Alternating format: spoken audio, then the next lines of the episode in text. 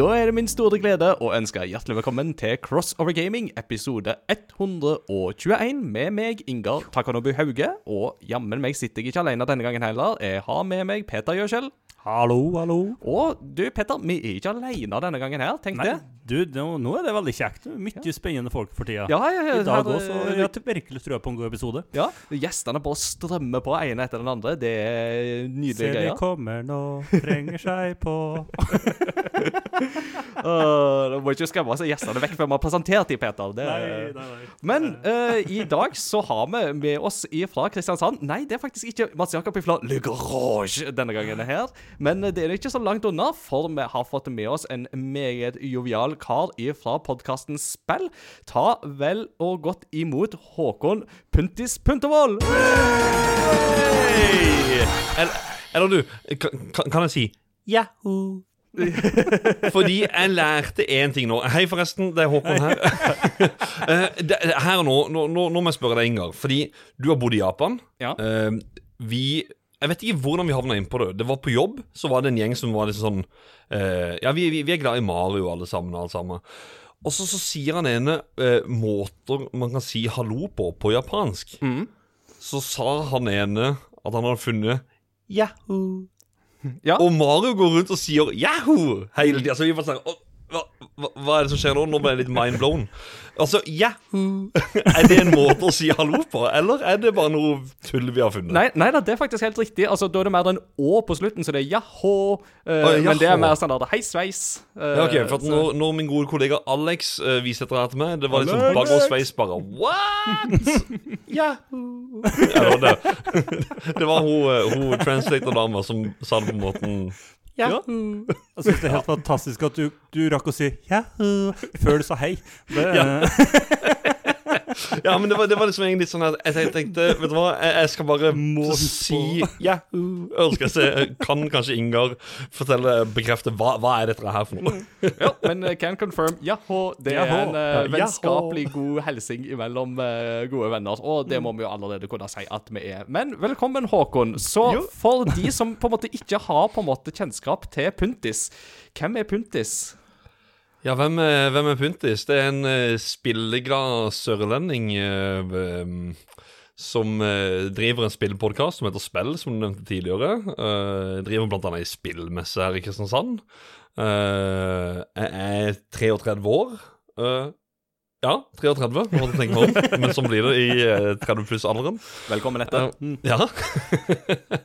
Eh, ja, familiefar. Uh, lever livets glade dager her i det glade sør. Det er- Du nevnte, du nevnte faktisk Mats Jakob. La oss si det sånn. uh, det er rett hen i gata, bokstavelig talt. Ja, så det Ja. mm. Ja, du hadde, du hadde du, Vi snakket jo om om du ikke kunne liksom snike deg inn når vi skulle spille inn juleepisoden, om du bare skulle snike deg bort til Le Garage og Mm, ja. pop- poppe litt innom. Men det ble jo spilt inn i Grimstad Nei, unnskyld, Arendal. Ja, så veldig, veld, veldig skuffende, Mats, at du dro der. For vi, vi snakka faktisk om det, at jeg skulle ta på meg en nissedrakt, og så bare komme inn der med en sånn liten gave og et eller annet golfspill. Og så bare gå igjen. For sånn skjegg, eh, briller, et eller annet som gjør det. Men kjenner du ikke? Vær så god, ha det. Og det hadde vært helt nydelig å få det til, men uh, Ja. Med tanke på alle golfspill som kom forrige år, så hadde det vært greit å fått inn ett golfspill, i hvert fall eh, i en gave. Ja. I hvert fall. Ikke sant? Så hadde vi fått noe å snakke om på eh, Ja, det ble litt sånn tynt i den der det, det ble tynt om vi skulle kåre Golf Game Golf of the Game of the Year. Var, det var tynt, altså. Så det, 2023, et bra spillår, men i, tydeligvis ikke for golfsjangeren. Selda som vant, ikke det? Eh, For der gikk det an å ha en sånn Du kunne i hvert fall gjøre noe så du fikk det til å bli en slags golf, ved å bygge. Du kan bygge golf i Tears of the Kingdom, Ja. vet du. Du kan bygge alt i Tears of the Kingdom. Alt i Tears of the Kingdom. Nei, det er så bra. Uh, når vi har gjester på besøk første gang, så syns vi alltid det er gøy å liksom høre med dem hva er på en måte de tre spillene som de, Altså topp tre som er litt sånn at dette definerer mm. gjesten som spiller. Så Håpløst hva vanskelige spørsmål. Ja, det er veldig Så- vanskelig. Ja, Ja. jeg liker å stille vanskelige spørsmål her i podkasten, Ja, vet du. vet jeg. Så um, ja, hva tre spill vil du på en måte trekke fram og si 'this is puntis'? Eh, kan si, begynne å si Final Fantasy 7, siden det er så i vinden om dagen. Eh, Veldig akkurat nå om dagen, for at det, altså, det, er ikke, det er ikke 24 timer siden engang at demo til Rebirth kom ut på PlayStation Store. Så det Det er vel Ja, det er, det er jo det. Eh, og så er det Street Fighter 2. Spesifikt av Super Street Fighter 2 Turbo, Arkadeversjonen. Eh, spilt veldig mye av det kompetitivt online sammen med et community som heter Norsk, Norsk Street Fighter 2 Dojo. Um, og så vil jeg vel egentlig si Super Mario World. For Ja, å safe han der. Altså, det, det, er, det, det er jo egentlig et spill jeg har drevet speedrunner i Apropos Jaho! Som, så, sånn vi liker å si det. sånn det er jaho. Nei, uh, Super Mario World er et sånt spill jeg bare må spille gjennom minst en gang i halvåret. Og da 96 til det, eller 96 exit, sånn at du, du har gjort absolutt alt. Det er et sånn tidløst spill som bare har vært der siden jeg var bitte liten. Ja. Kult. Nydelig. Da er du i godt selskap, vil jeg si. Ja. Ja, og du har jo da allerede tisa dagens tema. Vi skal innom Final Fantasy 7. Vi tenkte at det var passende å ta på en måte Final Fantasy 7-praten. Vi har jo snakka om Final Fantasy som serie i en episode tidligere, men nå skal vi da spesifikt inn i det syvende spillet, som jo nesten har blitt en serie i seg sjøl. En serie i serien, om du vil. I serien, la oss snakke om spill som Peter aldri har spilt serien også, vil jeg på nesten påstå. Det er en stund siden nå, men det Ja, Når jeg starta i podkasten her, for dere som ikke vet det, så var vel de fire første episodene Så var det tre av dem var om spill som jeg aldri hadde spilt. Eventuelt spilt én av i serien. Av alle de ene Zelda-spillene jeg har spilt på den tida der, så skulle vi snakke om hele Zelda-serien. Kjempekjekt. Så da står han igjen! Det er lenge siden. ja da. Det skal, du vet det, Peter. Den dagen du vil ta hevn, så må du jo bare finne et eller annet uh, Seven Days to Die eller lignende. Som Nei, vi har snakket om det allerede. Ja, ikke sant. Så Og det, så ja, jeg skal sette meg tilbake, og så skal jeg være den som jeg sa helt i starten av min karriere i den podkasten her. Jeg skal være den som sitter og stiller de dumme spørsmålene. Så det blir fint. Ja da. Du vet, eh, Peter, som jeg pleier å si, there are no stupid questions, but there are a lot of inquisitive idiots. Å, la oss utfordre den. Ja da. Men Peter, Peter sånn ellers, bortsett fra at vi skal snakke om Final Fantasy 7, går det bra? Jo, du, det går fint. Det er Sett å kose meg med litt forskjellige spill for tida, og har det bra der. Var i Trøndelag nå i helga. Det ble litt mer spennende enn planlagt. Vi skulle jo opp til eh, Val, en videregående skole i Nord-Trøndelag. Eh, kom hjem til Inderøya, og da blaste Altså, da var det jo orkan. Så da torde ikke å reise lenger. Så der var det jo vindkast som var nesten på 40 meter i sekundet. Så det Jeg så noen sånne snapper av folk som la ut My Story og bare Ja, vi skal ut Nei, nei. Nei, det, nei, det skal vi ikke. det, så det var jo helt uh, altså Jeg gikk ut og bare kjente på det, og det vanligvis så hadde det nok vært et veldig sånn fint, forsiktig snøfall, men det var som å få nåler i trynet, liksom. Så det var helt bananas. Uh, så da fikk vi jo absurd rolig helg hjem, fordi alle var borte. Mm. Som også ironisk nok når det er orkan, men det var fint dag vi. Ja, og så skal vi være kattepassere neste 14 dagene, så det, eller fra lørdag. Ja. Så det blir spennende. Det er fint med så det er litt sånn eh, litt forskjellige ting som skjer. Eller også Da- Da er spørsmålet voksen katt eller eh, kattunge? halvt år gammelt, så når blir en katt ungdom? Ja, okay, ja, ja, det, ja. Å, det er et godt spørsmål. Takk skal du ha, jeg kom på det helt sjøl. Det er Jeg er nesten sånn at jeg hadde lyst til å spørre fruen her hjemme, for hun var veldig, hun er Ja, nei, glad i kapper. de, de eierne kalt sa at det, det, han er ganske ung ennå, ja. Jeg har, Så jeg har, det- jeg har vel skjønt at når de begynner liksom å fikle mer med mobiltelefoner enn å være oppmerksomme på deg, da er de begynt å bli ungdom. Det, Helt korrekt. Ja. Så det, men det er en ka- katt av den rasen som visstnok skal være nærmest hund, så den oppfører seg veldig eh, greit og eh, ja, er rolig av seg, og har foreløpig, ifølge dem, ikke skubba noe ned fra bordet. Eh, Imponerende. Sier de. ja, sier de. Det er, jo, det, er jo, det er jo det som tross alt er beviset på at jorda ikke er flat. er jo det at Hvis jorda hadde vært flat, så hadde jo katta dytta alt utfor for lenge siden. Det er helt så- korrekt. Mm.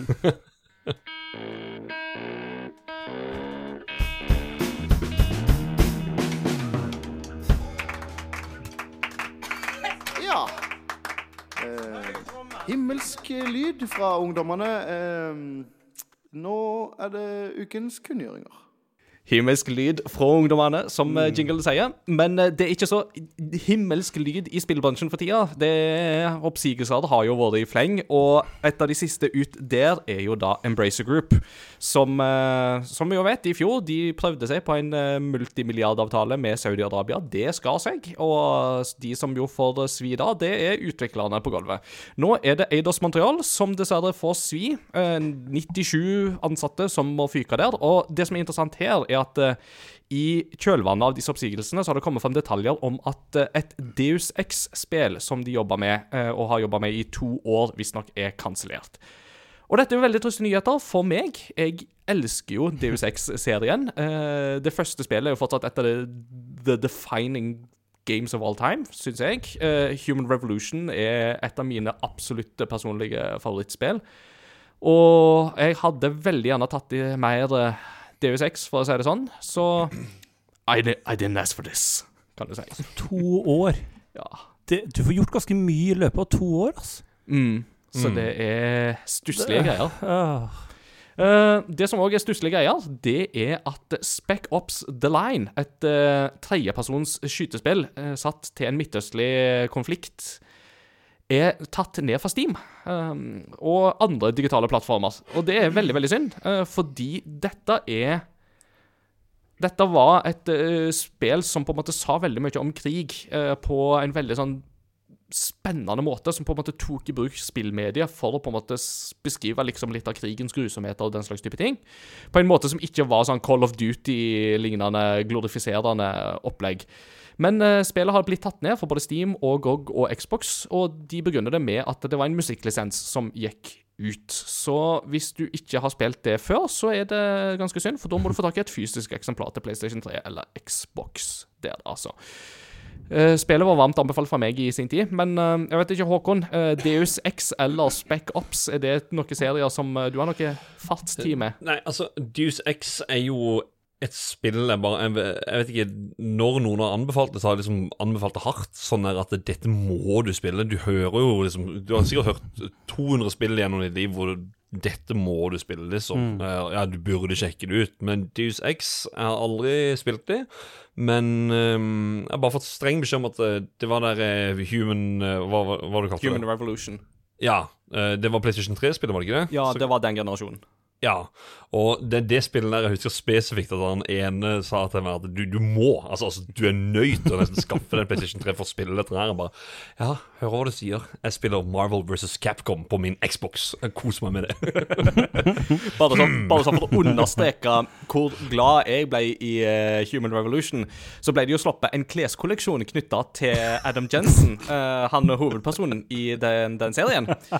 Og den trenchcoaten, den har jeg. Det er, det, er nice. en mest, wow. det er, en av mine mest trofaste, velbrukte liksom høst-vinterantrekk.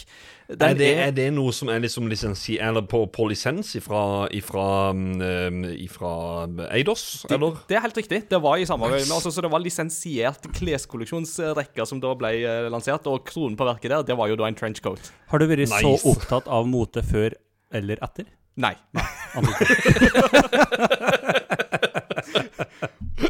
Bortsett fra den gangen jeg kjøpte meg Pokémon-klokka. Vel å merke. Det, og Batman. Ja, ja, ja. Vi, der har vi alle vært. Ja, Pokémon-caps, Pokémon-klokke altså, ja. Svettebånd. you name it. We've all been there. Uh, og så uh, Vi fortsetter i dette her uh, hva skal jeg si, ikke så veldig glo gloriøse spillsjiktet. det er da Suicide Squad Kill the Justice League. Har jo nå blitt lansert. men da det skulle ut i sånn early launch for de som hadde bestilt deluxe-utgaven, så ble det lansert. Og så måtte de ta det ned, for det viste seg at det var en bug som gjorde at de fikk opp at Ja, du har fullført hele historien. Yay! Uh, Tidenes billigste achievement. Fikk du, fikk du platinivå? Nei, altså det, det, er jo en ting jeg uh, har tenkt veldig på når det kommer til Suicide Squad, Kill the Justice League. Jeg syns jo Suicide Squad som et univers er dritkult. Konseptet er dritkult. Ja. De har ikke klart det på film. Mm. Eh, den, den, første filmen gjorde bare at jeg skal ikke se mer av det. Jeg gidder ikke den Harley Quinnen. Jeg gidder ikke Altså, jeg har ikke sett den andre filmen, for jeg, jeg har ikke troa på det i det hele tatt. James Gunn, man. James Gunn. Ja, jeg vet det, men, men er- jeg bare ja, er. Jeg forstår det. Ja, der, eh, der tror jeg litt på det, at, at det er bra. Men det bare Jeg vet ikke. Det er bare noe som ikke snakker til meg. Til det. Men eh, podkastkollega fra podkasten Ragequit, eh, Ståle Baldvinsson Eh, ja, som, ja, som du, uh, Ingar, du var jo med i GameCube-episoden sammen med han. Stemmer. Eh, han har spilt det nylig, og han skryter veldig av det. For han sier at humoren er på plass, gameplayen er gøy. Det er bare Jeg tror det er mer den buggen her skjedde, var liksom med oss og gjorde at uh, lanseringa var dårlig. mm. Dermed får spillet sånn derre eh, I mine øyne litt ufortjent slakt. For at ja, jeg skjønner at det uh, At man allerede er ferdig med historien. At det, det, det er litt sånn OK, ki, uh, kjipt, men man kan fortsatt spille gjennom spillet, og, og fortsatt nyte det. Og så tenker jeg, spill det for det det er. Spill liksom Ja, kjenn, kjenn på gameplay, story, eh, karakterene, musikken. Eh, ja. Prøv det for det det er. Absolutt. Og det er jo um, det, det som jo er litt sånn ekstra skår i gleden for dette, her er jo det at det, det var jo de som hadde bestilt deluxe-utgaven, som jo skulle få den tidlige lanseringa, og den lå jo på sånn rundt 1200 kroner. Og så fikk du ikke det du da hadde betalt ekstra for. Da er det jo litt sånn Det kje- det Ja, jo, jo, sant nok. Sant nok. Ja, ja. Så, så her ja. lukter det jo litt sånn Her burde de nesten gitt en sånn oddsutrekning og slått litt av på prisen eller et eller annet, tenker jeg. Ja. Men uh, Jeg, har, ikke- jeg, har ikke, jeg, jeg, jeg skal være så ærlig og si at jeg har ikke lest meg så fullt detaljert på nøyaktig hva det handler om, men, men jo, som du sier der, da, så det Jo, gjør, gjør, gjør noe, men uh, spillet i sin helhet, da, tenker jeg sånn. Mm. Altså, prøv det og se hva det er for noe, så ja. Mm.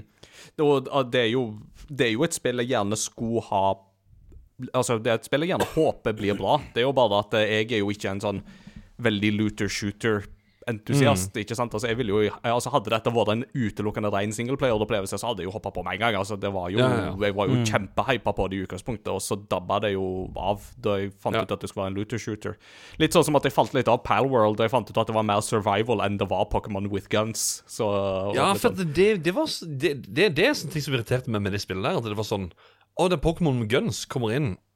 Nei, det er jo ikke Pokémon with guns. Det er, ja, det, det er noen figurer som har noen våpen og sånne ting. Altså, men, men Nei, det er en survival. Det er mer enn Minecraft med noen figurer som ligner på Pokémon, og så That's it, på en måte. Det er jo en sjanger jeg liker godt. Jeg har te testa det bare et par timer foreløpig, og foreløpig så Så jeg koser meg jo veldig med det. det Er du på Xbox eller på Steam? Det jeg spiller på PC. Ja, ja jeg, ja jeg, jeg, jeg, mener- jeg mente GamePass eller Steam. Det får du kjøpt på Steam.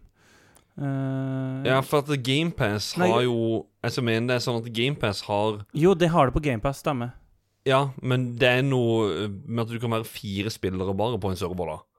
Imens på GamePass Nei, nei, på Steam så er det visst flere enn noe. Det, det er en sånn herre Mm. Det er en forskjell der, da. Og det er jo Mm. det som jeg syns også er imponerende, at det har solgt så sinnssykt mye som det har gjort på Steam. Jo. Selv om det ligger på GamePass og har litt mindre, eh, eller lavere tall på hvor mange kan være på serveren samtidig. Mm. Så Nei, jeg skjønte har skjønt det. De hadde vært på arbeid for å holde inn server, serverne opp, ass. Det, så det er jo helt bananas. Ja, Hvordan det nå- bare tok nå- flatt av. Nå er det snakk om 20 millioner solgte. Og Ja. igjen, altså, det er jo et Dette her er jo kassasuksess uten like, vet du. Så det, vi vet jo at det, det betyr at om to-tre år så kommer Palworld-klonene så det synger etter. Så ja, ja, ja. Jo, jo.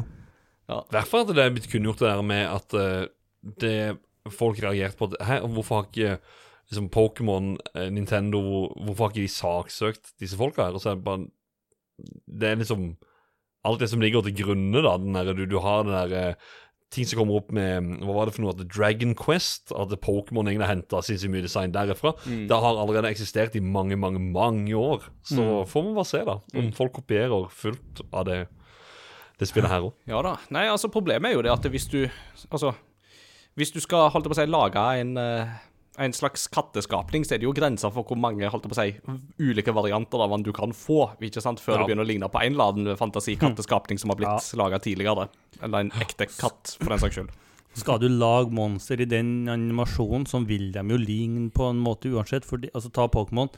Det, det er ikke veldig mange forskjellige det, altså, De har jo dekket det meste, da. Mm. Eh, så det, det, det, er ganske vanskelig å lage noe i den, eh, det, i, i den formen, da, eller den, etter den oppskrifta, uten at det skal ligne på noen av dem. Mm. Uh, og skal du lage, lage mange, så blir det likt, da. Mm. Så det, men uansett om det her er en hype som er nå, eller om det dabber av etter hvert, så tror jeg de folka borte som har lagd de, de er fornøyd uansett, de. Det, Ja. de, de har gått i pluss, samme hva. Jeg lurer egentlig på hva som var målet deres. Sånn her, for du har jo alltid Du sitter jo alltid med et tall og en altså, forventning til hvordan Altså, går vi pluss her? Går vi minus? Hvor mye Altså, hva var grunntallet? Og hvor mye er de har gått over det? Ikke der. De endte jo i hvert fall. Det er jeg ganske sikker på. Ja, men Det kan jo hende at de hadde en ambisjon om at eh, they wanna be the very best that no one ever was. Hey. Og så kom de på nei, det kan vi ikke flette inn der, for da blir vi iallfall saksøkt. Da blir det da Samme hvor mye du påstår at ikke er en copy, da er du solgt. Ja da. Nei, de skulle lage et spill fordi de hadde fått et kall. Og. Ja, ja. All right. Uh, vet dere forresten hvem som òg har fått et kall? Nei. Det er Jim Carrey, for han kommer tilbake i rollen som Dr. Robotnik i Sonic the Hedgehog 3. Det er nylig bekrefta i eh, en nyhet der de skulle annonsere en rekke stemmer som uh, kommer inn i uh, si. den kommende filmen. Uh, og høydepunktet der var nok Really? definitivt Really? Indeed. Nei da, så han hadde jo i utgangspunktet sagt at nå har han pensjonert seg og trukket seg tilbake fra skuespillertilværelsen. Men jammen meg så ble det annonsert at eh, jeg vet ikke hva, han kommer tilbake og tar denne rollen her. Og det tror jeg nok det er mange som er Hva er prisen på den kontrakten, tror jeg? Ja, det er vel eh, Holdt på å si er det at han, altså, han er jo en uh, spenstig skapning, at han rett og slett uh, ADHD-en kicka inn at det ble for kjedelig. Uh, for å For å Ja, for, ja, Jo, men det der er jeg litt spent på, egentlig, om, om han For at han, han er så Han er blitt så funky de Mm. siste årene. Så he, helt speisa i huet. Jep. At du Jeg vet ikke om bare sånn herre I'm doing it for the movies. Eller om det er liksom OK, jeg skal ha så og så mye penger, og jeg skal ha det, jeg skal ha det, jeg skal ha det. Og så krever han veldig mye. Eller er det bare gøy, eller er det sånn Nei, det, Jeg vet ikke. Jeg vet ikke. Det har ikke snøring. men, men det skal sies, da. Han er utrolig flink til å male. Han Jo, er jo det en er meget god er kunstner. Mm, Så han skal ha det. jeg har fått med meg det. ja. Så det, for de som ville ha mer Jim Carrey i eh, Sonic, deres bønner har blitt hørt. Kan jeg, kan, du kan bare spørre der, Har dere sett begge filmene? Du, jeg har ennå til gode å se toen. Uh, jeg, og Jeg- jeg har liksom sånn Ja, den må vi få se. Ja, ja, det, den skal vi Jeg se. velger ikke svar på det spørsmålet. Den er i den backloggen i lag med en særdeles lang liste. Så, Ja. ja. Hva med deg? Å, uh, ja, nei, er til gode å se begge. Det var Ja, um, men da kan jeg svare. Nei, jeg har ikke sett dem. Det, Nei. Eh, til gode å se begge. Jeg tenkte jeg skulle se de sammen med ungene, og så, eller se den første sammen med ungene, og så kom toeren. Så tenkte jeg skulle se begge med ungene, og nå kommer treeren, så jeg skal se alle tre med ungene. Uh, ja, vi får se om nummer fire også kommer, og kanskje det blir en, en, en firefilmskveld eller et eller annet. Jeg vet ikke. Du, du vet, Fordelen er jo det at jo eldre de blir, jo, eh, jo større sjanse er det jo for at dere får sett det på engelsk og ikke på norsk. Ja, Så ja sant nok. sant nok Ja, Guttungen er jo eh, eh, Han var vel fem nå til lørdag, så da, da er det fortsatt noen år igjen å gå før vi kan se ting på engelsk. bare intensivere YouTuben, så plukker de opp engelsk før du vet ordet av det. vet du. Det er ja. Unger i dag de er smarte på det der. Så Plutselig. Plutselig. Vi tuner så vidt innom, ja, tune, pun intended, Uh, Grammy-prisen. For eh, Grammy-prisen har jo uh, en egen kategori for beste spill-soundtrack, og den nominasjonen, det var Star Wars Jedi Survivor som vant. vant. Det var da blant annet i konkurranse We're gonna make Takk! Jeg, at jeg ikke er den eneste som begynner å synge på den. Det, det er igjen rage quit. de har gjort det en gang, så da var jeg sånn Hver gang jeg hører Så, så jeg hører det spillet, så er det bare Ja, det, det er en sang jeg tenker på. uh, det er nydelig. Uh, og det spillet var da i konkurranse med blant annet eh, Hogwarts Legacy, det var God of War Ragnarok og eh, Stray Gods, denne spillmusicalen som var blant andre spill i kategorien, men det var da Star Wars som vant den. Eh, Så må vi jo ha med en liten nyhet som jo vi må ha med, fordi at eh, Mats Jakob er jo en del av eh, vårt uh, podkast-community. Og Mats Jakob er jo kanskje en av Norges største Hebireke-fans, eller uh, Euphoria The Saga, som det jo serien er bedre kjent som her til lands. Og Euphoria The Saga 2 lanseres til samtlige plattformer 1.3. Så da vet dere det. Fysiske eksemplar er bekrefta, så da er det bare å gå på internett og skaffe seg. Er det en Rogue Light? Var det sånn jeg forsto det, eller De Jeg har vel lest sånn, noe. det, men uh, Nei, men om jeg vet det, altså. Men søtt ser Nei. det i alle fall ut. Ja, ja, ja. De, de har samme sjarmen. Det, det skal de ha. Og hvis de har samme kvaliteten på musikken, så er vi jo inne for en fest og glede. Så Ja. Mm. Så skal vi innom en State of Play som eh, var fra PlayStation den 31. januar. Eh, Og da tenker jeg at vi leser litt opp eh, litt spill som ble presentert, og så stopper vi opp med det som på en måte har trigga oss mest, eller interessert oss mest. De begynte med å vise Helldivers 2, som jo kommer ut, eller er ute nå når denne episoden er ute. Da er det hopp, hoppe ned og skyte aliens i beste Starship Troopers-stil. Videre så fikk vi endelig en, eh, en eh, lanseringsdato for Stellar Blade. Dette sørkoreanske spillet som ser litt ut som det er tungt inspirert av eh, Platinum Games sine spill som Near Automata og lignende. Dette er jo et spill som jeg gleder meg veldig til. Um, jeg hadde det jo på min topp ti for spillet ser fram til i 2024. Og nå kommer det ut 26. april, så det er gøy å få en dato på det. Og det fikk veldig mye screentime, så det var veldig spennende å se. Ehm, jeg vet ikke, Håkon, er det har, har du noe kjennskap til det? Uh, Nei. nei. Nei. Nei. Nei. Det, eh, jeg- skal spoile og si at det var veldig mye på en State of Play her som egentlig var Nei.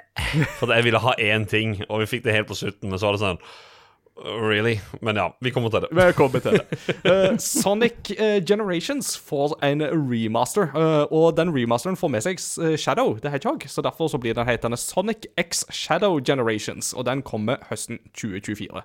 Dette var jo et spill som blanda 2D-Sonic og 3D-Sonic i, i sin tid, og som fikk veldig gode skussmål da det kom ut, så det er godt mulig at dette her kan bli en god addition til Sonic-familien. Veldig teit om jeg skal si det jeg sa, og så vil jeg si at det, det her, her det gleder jeg meg til. men det var egentlig det var dette her eh, som Ja, altså én ting til det etterpå. Men, men eh, det, det, det var litt gøy, da, for det, det her, her var jo på en måte det Sonic-spillet som eh, etter eh, liksom The Last Night eller The Lost Night eller ja, Secret Rings og Unleashed og Det var liksom Sonic var en melkende ku som bare sånn It was all dry til slutt. Så bare kommer da denne her eh, Sonic eh, Generation, så bare Nå skal vi ha tilbake igjen det gamle. Smekker det sammen. Dritbra. Det var litt sånn, Så- Jeg fikk litt sånn inntrykk da det kom ut at ja, dette var litt spillet som snudde litt Sonic eh, på flisa, altså. Så Første spillet jeg spilte med 3D-briller på en TV, og sånn Wow! The future! Det var jo ute i 3D, det, ja. Det Ja, ja, ja. Spilte på Xbox 360. Oi, oi, oi. Skal si, skal si. Eh, så er det neste spillet i Hojo-verse. eh, altså, da snakker vi om Genshin Impact og Honkai Star Rails-studioet. de kommer med Zenless Zone Zero. Da er det ZZZ der, altså. Foam Stars, eh, også kjent som eh, Splatoon med skum istedenfor maling. Eh, det fikk seg en liten preview, og det kommer jo på PlayStation Plus. Så de som har det, de får tilgang på det, og det kommer vel ut nå i disse dager. Så det òg er sånn Ikke på å si, avvis det før du har prøvd det, mm, etter det jeg har skjønt. At det, det previewene på det var litt sånn Dette her er gøyere enn du skulle tro, altså. Og jeg har veldig trua på at eh, Splatoon-formelen er jo ikke noe Nintendo eier, så det er jo, for noen andre som prøver seg på det, kan være litt gøy. Interessant hvor mange formler vi oppdager at Nintendo ikke eier i disse dager. Ja. Who would have thunk? Når skal du se at det er en rørlegger som er på et helt nytt eventyr. Ja. så nå er Han er gul! Ja, ja, så, så, så nå er det Ja. bare et spørsmål om tid før Giana Gianna Sisters uh, gjør comeback. Så Ja, oi, oi, oi, oi. hvor, hvor, der, der, der som det for øvrig sto på, på um, kassetten på Commodore 64 Altså, de, de kjørte jo hardt da på reklamen der. Da står det The Brothers Are History. Så det er liksom, jeg, vet, jeg vet ikke om vi går på det nivået, men, men uh, kanskje noe i den duren der. At det er plattformer og ja. Åh, det, det, det er sånn dissing jeg kan, eh, jeg kan like, altså. Og Det er nesten litt sånn Sega does what Nintendo don't-følelse over seg. Åh, oh, jeg elsker det. Nydelig. Uh, Dave the Diver er jo et eh, spill som jo høsta mye positiv omtale i fjor, blant annet av uh, undertegnede her. Og det kommer på PlayStation 5 i april. Og det gøye her er jo det at det kommer sammen med en Godzilla-modus, som plutselig så bare hører du ba, ba, ba, ba, ba, ba, Og så kommer Godzilla opp av havet. Jeg må si jeg digger det. Uh, passer jo, det, altså, det passer som hånd i hanske til Dave the Diver-universet. Det er så crazy at, uh, det at Godzilla skal dukke opp, det er den mest naturlige sak i verden. Jeg sa vel egentlig sånn at uh, liksom, Å ja, vi skal annonsere at Dave the Diver endelig kommer til PlayStation. Nei da, for den så vi ikke komme. Og så bare Nei, du kødder. Godzilla. What the? altså, hallo. Og, og, og altså, timinga passer jo bra, for altså, Godzilla minus one har jo gjort Godzilla veldig dagsaktuelt igjen, så ja. Uh, V-Rising, dette vampyrspillet som havna litt i skyggen av Vampire Survivors, kommer til PlayStation 5 i 2024. Det ble bekrefta. Vampire Survivor Nei, vamp Vampire Survivor. Ja. Det blir uh, jinglen som følger med, det. Men sånn er det. Yes. Uh, Silent Hill er jo en serie som prøver å gjøre sitt comeback. Og det de annonserte her, eller og Shadowdroppa, det var Silent Hill The Short Message, som er ute nå. Som var en sånn der eh, Ja, hva, hva, skal jeg si? Det, har, det er en sånn kort uh, sak som visstnok uh, Ja, det er Silent Ta Hill. to timer ish å gå gjennom. Uh, jeg vet ikke noe om det, for jeg har lyst til å kjøre det på en stream. Men uh, vi har jo hatt eh, episode om Silent Hill 1 og 2 i spill, og jeg har jo spilt de spillene like før innspilling, og jeg skal si Altså, Silent Hill-serien Hvis du har lyst på et skummelt spill som bare sånn her det- Resident Evil har jump scares og, og zombier, men det her, her det er sånn Det er sånn Det er psykisk skummelt. det er, du blir helt satt ut sånn Hva er det egentlig jeg ser på? Eh, hæ? Ja, Så jeg, jeg har egentlig veldig lyst til å få spilt Silent Hill på et eller annet tidspunkt, for jeg tror eh, det kan Altså, den der psykologiske horroren, jeg tror det kan stimulere til meg. Eh, så ja, neste spill på lista. Altså. Kan, ja. kan jeg bare få si at jeg trodde du var flinkere til å få beskrive spill inn eh, altså, Silent Hill er en kort ting. Det. Å, du selger inn så bra, Ingar. Ja, ikke sant? Du, har- du har Jo, jo men, men, men faktisk, altså, altså Silent Hill The Short Message skulle være Altså, det er, det er et veldig kort spill. Det er, du spiller det på en kveld. Det er en, en ettermiddag. Det er, det er to timer det er lagt inn som på How Long To Beat. Og det skal bare være en kort ting. Ja. Det er bare veldig festlig at Ingar forklarte så enkelt når at Hva har du spilt? Eh, Ja. segmentet innimellom er det lengste segmentet vi har. Eh, når Ingar har spilt noe nytt som han liker veldig, veldig godt. Og så i dag fikk vi en kort ting. Det er ikke en bikkje! Det er en slags, er en slags ting! Ja, du hører, du hører hvorfor, du hører hvorfor jeg er spillanmelder, ikke sant? Det, I am good with them words. I have the best words. I have the best words. Ja, da. Eh, men det var ikke det eneste vi fikk se fra Silent Hill. Vi Masse fikk ting. se litt sånn uh, smakebit av Silent Hill 2-remaken, som Blooper Team holder på med. Eh, og altså Håkon, du har jo spilt Silent Hill 2, men altså, jeg fikk Ja. jo litt sånn eh, følelse av at her har de, her har de sett veldig på Resident Evil og tatt notater av remakene. Og jeg vet ikke om det er det Silent Hill-fansen egentlig vil ha, eller hva tenker du? Nei, men øh, nå hørte jeg på nerdelandslaget, og Steffen Lund er jo veldig glad i Silent Hill, og han øh, sa noe interessant, for jeg, jeg var sånn Altså, jeg er all in på dette her. Jeg, jeg er helt med, og jeg tenker det er en den settinga som Resident Evil har gjort, um, i form av hvordan du spiller spillerne i disse remakene, så føler jeg det er den riktige måten å gå. Uh, du kan jo gå first person mode, uh, som i uh, Resident Evil 7 og 8, for all del, men å gå inn i third person-viewen, sånn som det har vært, og, og ja, bare shine det opp, så tenker jeg at det er en Det er en Altså, det er the way to go, for det, det er sånn de spillene var ment å, å bli spilt. Og spillene er like sånn uh, originalt, men det er bare det at Silent Hill er eh, Kall det en psykologisk, uh, psykologisk thriller, imens Resident Evil er zombieapokalypse hvor Eller nei, det er jo etter hvert i spillene, men det, det, det er liksom mer sånn jump scares og, og sånne ting, da. Mm. Silent Hill Silent Hill 2 spesifikt har jo egentlig en historie som er hvis, du, hvis du tar et dypdykk i den historien og forstår historiens betydning og, og alt sammen, så er den helt sinnssyk. Sånn der eh, Du blir blåst av banen og tenker Hvordan har dette blitt skapt, på en måte? Fordi at eh, det er så sykt. Så ja. Det blir Nei, så det er bare å glede seg. spennende, blir det i alle fall. Så det var den tingen. Ja. Det var den tingen, rett og slett. That thing. Ja. Og Det har ikke fått en dato ennå, men det var gøy å få en smakebit. i alle fall. Mm. Eh, noe som heller vel ikke fikk en konkret dato, det var Judas, det kommende spillet til Ken Levine. Eh, mannen som jo var sentral i utviklingen av Bioshock-spillene. Eh, og dette var jo et spill som minna veldig om Bioshock Infinite, i alle fall, i måten farger og figurer var animert på. Og det virka til å på en måte være litt i den samme lesta på, på en måte, men jeg tenker at det er ikke nødvendigvis noe negativt, for nå er det jo over ti år siden Bioshock var på høyden, og vi har liksom ikke fått noe som har helt klart å tappe inn i det samme. Uh, Atomic Heart prøvde jo litt, Uh, så jeg tenker at eh, det blir iallfall spennende. Uh, Bioshock, noe du har et forhold til? Dessverre.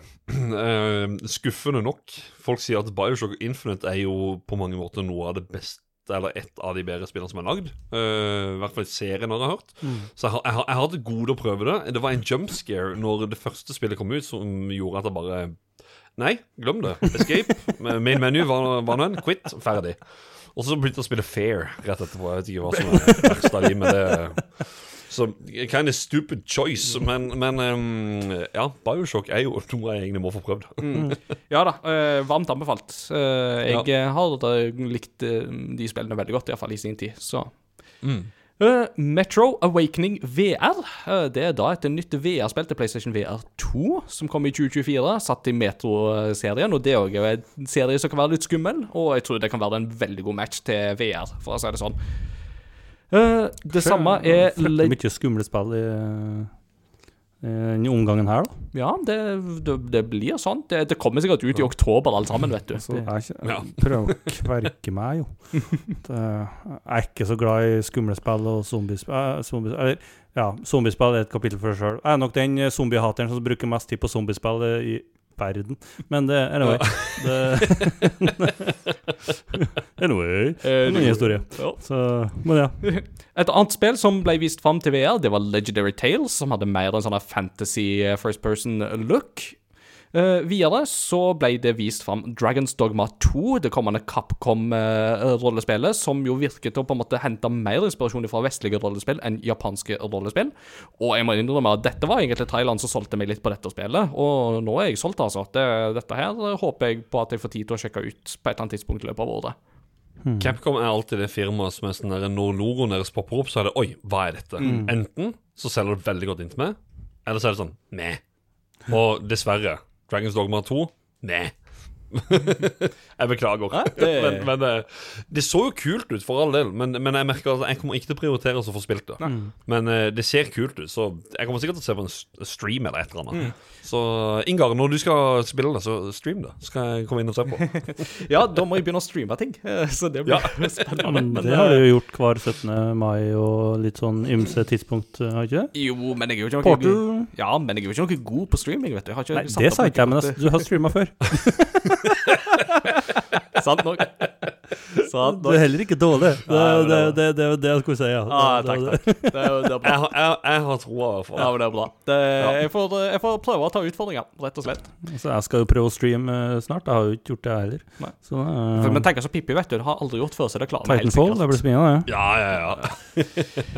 Uh, videre, Rise of the Ronin, som jo da er det nyeste til Team Ninja, uh, ser jo ut til å bli en slags kombinasjon av Assassin's Creed møter Sekiro Shadows Die Twice, og, og litt Nio, da, for så vidt, og sånt. Og jeg må si, altså, settinga er i alle fall noe som eh, det selger meg på. Selv om eh, looken på det altså, Team Ninja er ikke de som nødvendigvis pusher grafikken to the max her, men de gjør sin greie, og det ser ut som at de gjør det veldig greit. Så dette kan bli en sånn hit, hit or miss, tror jeg. Det kommer nok litt an på hvor godt det slår an med tanke på um, liksom, kampmekanikkene inn mot uh, kjernepublikummet, som på en måte vil ha liksom, en tøff utfordring.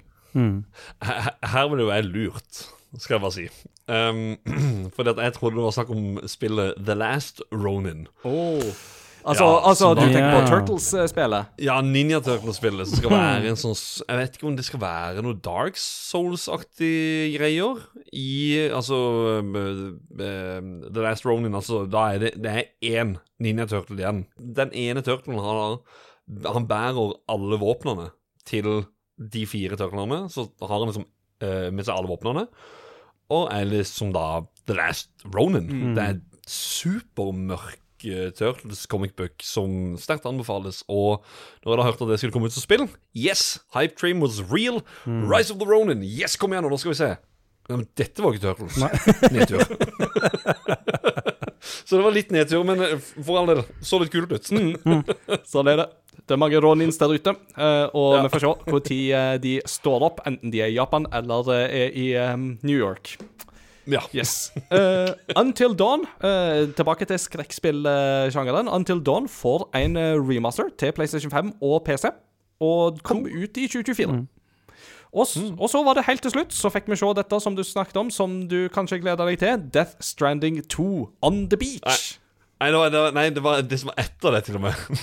Som, som egentlig trampa meg rett på føttene. Ja, okay. Men, eh, men ja, ja, ja, vær så god. Ja. Take it away Ja, uh, altså, jeg, jeg likte jo Death Stranding veldig godt da det kom ut.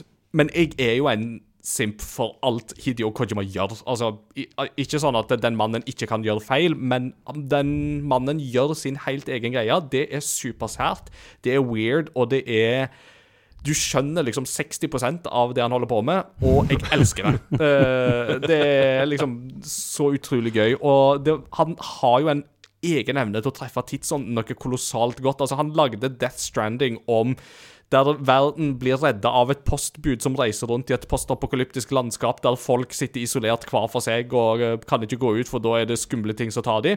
Fire måneder senere er det lockdown, og alle sitter i covid, og da er det postbudene som redder oss fordi at de leverer eh, pakker til oss, ikke sant? Så det er jo Kojima er en profet. Mm. Ja. ja. Nei, altså, der var Det var et eller annet i starten av den traileren, eller den, den visinga der, som jeg, jeg tenker bare Siden vi hadde fått så mye skrekkspill og sånt, Silent Hill og Until Dawn rett før, så det sånn Får vi noe av det der For det var snakk om noe PT-greier, at prosjektet skulle bli tatt opp igjen, eller et eller annet. Så jeg bare Yes, kom igjen, nå, let's go. Og så var det Der var Norman Reedus, og jeg bare Hm, er det Death Stranding? Og så kommer det masse sånne her forskjellige tekster oppe. bare, ah, Det er navnet On The Beach, eller nei, On The Mountain, eller hva det var for noe. Nei, hva, hva, hva er greia? Og så kommer tittelen ca. fem minutter etter. Det var jo en sinnssykt lang eh, visning. var kjempelang. Ja. Så vi fikk en god eh, Vi fikk iallfall se veldig hvordan dette spillet kommer til å se ut. Og jeg må innrømme at rent grafisk sett i alle fall, så ser dette meget, meget lovende ut. Dette kjører jo på Decima, som er samme grafikkmotoren som Horizon-spillene.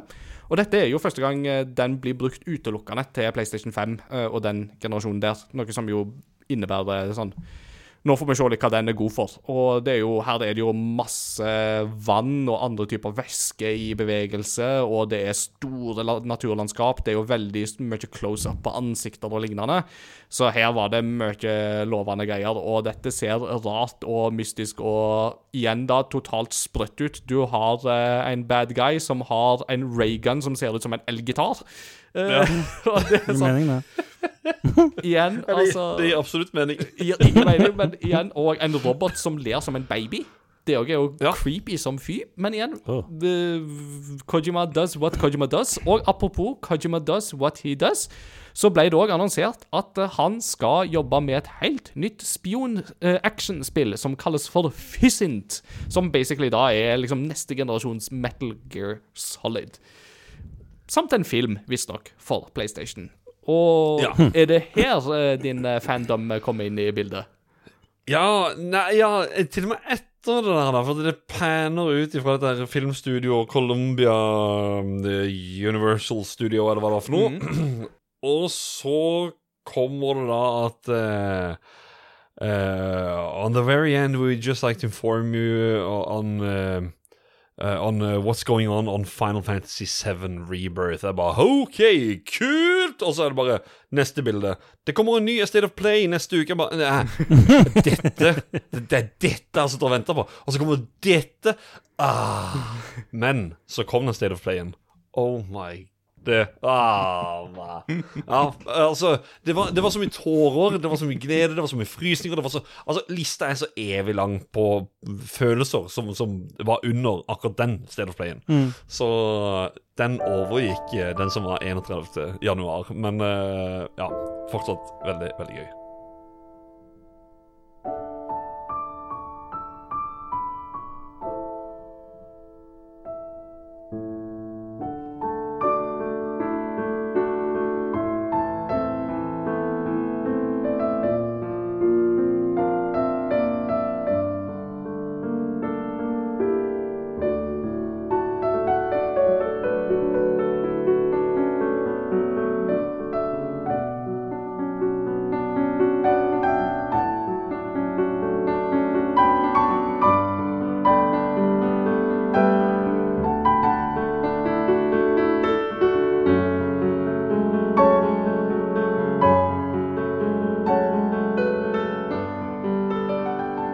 Så tenker jeg vi har en perfekt tangent over til det vi skal snakke om i dag, nemlig Final Fantasy 7.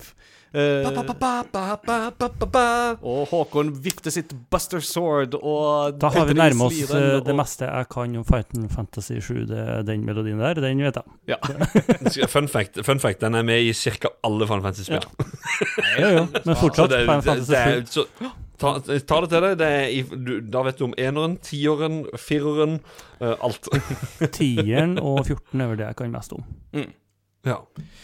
Men eh, Final Fantasy 7 Lord. er jo det vi skal prate om i dag. Så før vi liksom kommer til den her State of Playen som var Det, det kan vi jo liksom ta litt når vi skal snakke om liksom tanker og forventninger til Rebirth. Eh, Men Håkon, la oss liksom ta en sånn kjapp oppsummering av Final Fantasy 7. Og da tenker jeg liksom grunnspillet. Eh, hva handler egentlig Final Fantasy 7 om?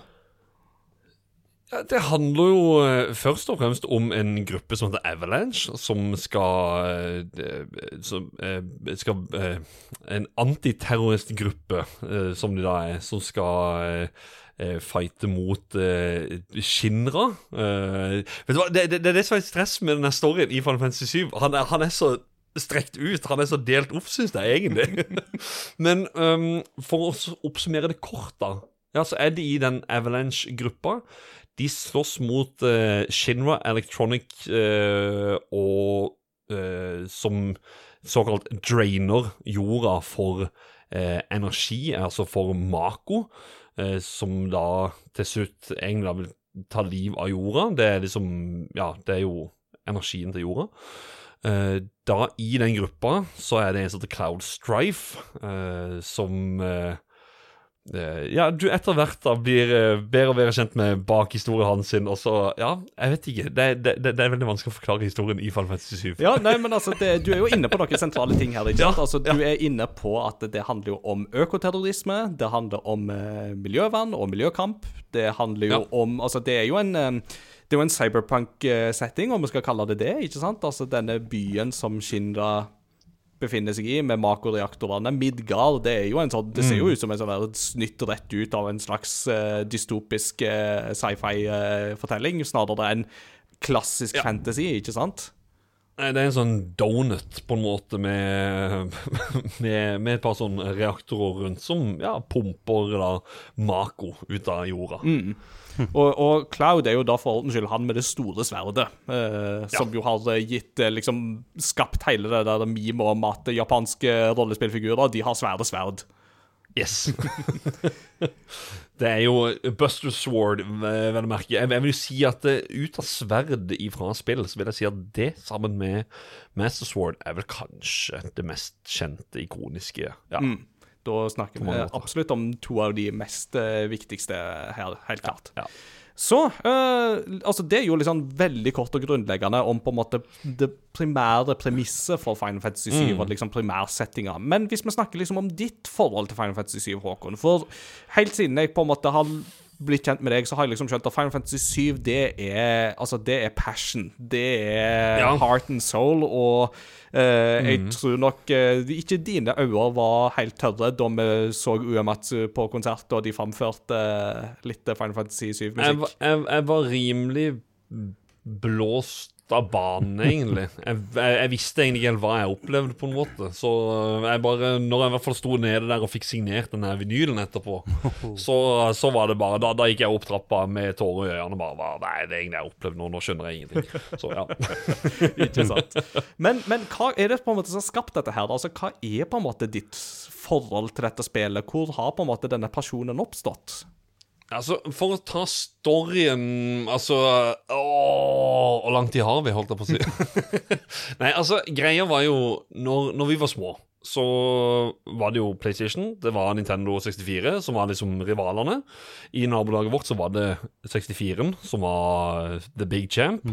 Og så en kompis av min bror, han hadde PlayStation 1, og så bytta da min bror den konsollen mot eh, da PlayStation 1, og så hadde jo da eh, Altså, han hadde sikkert 20-30 spill, for at de spillene var jo gjerne billigere enn på 64-en. Vi hadde sånn ikke, 4-5, han hadde 20. Men så var det ett spill som skilte seg ut ifra alle, og det var liksom en dobbelt cover. Final Fantasy Vi. Det var det vi leste, for at vi, vi gikk jo på barneskolen. Så jeg bare Final Fantasy Vi. Ja, OK, ja. Og så lærte vi etter hvert Å ja, det er syv. Um, men vi, vi bare poppa det i, og så var det litt sånn der Jeg vet ikke, det var noe så inngripende som det, og var bare sånn Steike, for et univers. Eh, så bare plutselig hadde det gått sånn tre-fire timer, og da konkluderte han ene med eh, Johannes heter han. Eh, han hadde PlayStation sjøl.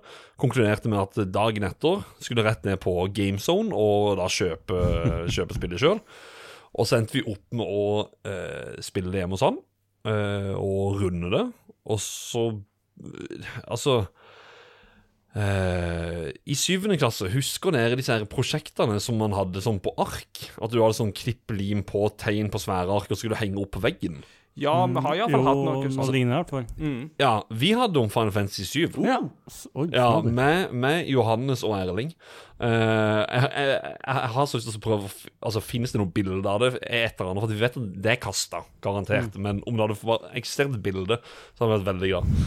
Um, vi, uh, vi lekte det, blant annet. Vi sto på fotballbanen og var liksom Jeg var Cloud, eh, Johannes var Barrett, og um, Erling var Sid, og jeg hadde kombinert All Materia med eh, Eller eh, Erling blir slått og dør, og vi var kasta Phoenix Down på han, og Johannes kobler kobla med mm, med eh, healing og all materia sammen og healer hele partyet. og- Jeg vet ikke. Det, det dustete. Nei, dette men- er LARPing! Magisk. ja, ja, men så, ja men, men så er det sånn Det er noe magisk med det. Sånn for oss så er det jo Altså, vi sto der og så Genova eller Scorpion eller altså hva nå enn. Så vi det foran oss, imens de som går forbi, bare Nei, er de holder på med. Står på rekke der. Hopper frem og slår med sverdet, og hopper tilbake igjen. Veldig rar krigføring. Yes. hva, hva gjør det for noe? «Hva, Ser ikke du han? Det, ser ikke du den ting? Det, er Genova. Så, så står jeg 'hallo'. Altså, hvis ikke du ser det, bare gå videre. Dagens Og, ungdom. og jeg antar at siden du, dere bodde på Sørlandet, så var det sånn Hæ, er det Jehova? Du, der, der må jeg si at det finnes en fin podkast som heter Jehovas vitner. Det er podkast til eh, Jostein, Karl Martin og um, Audun Rodem. Stemmer. Som er på Final Fantasy. Stemmer. Jeg hadde jo T-skjorta faktisk med Genovas Witness, fordi at det er en webcomic som heter VG Cats, hadde ei stripe om det. Der hun ene går rundt og bare sånn Greetings, sir. Have you heard about the livestream? I am a Genovas Witness traveling across the land, spreading the word of Sephiroth. Will you be ready for reunion? Kommer inn og.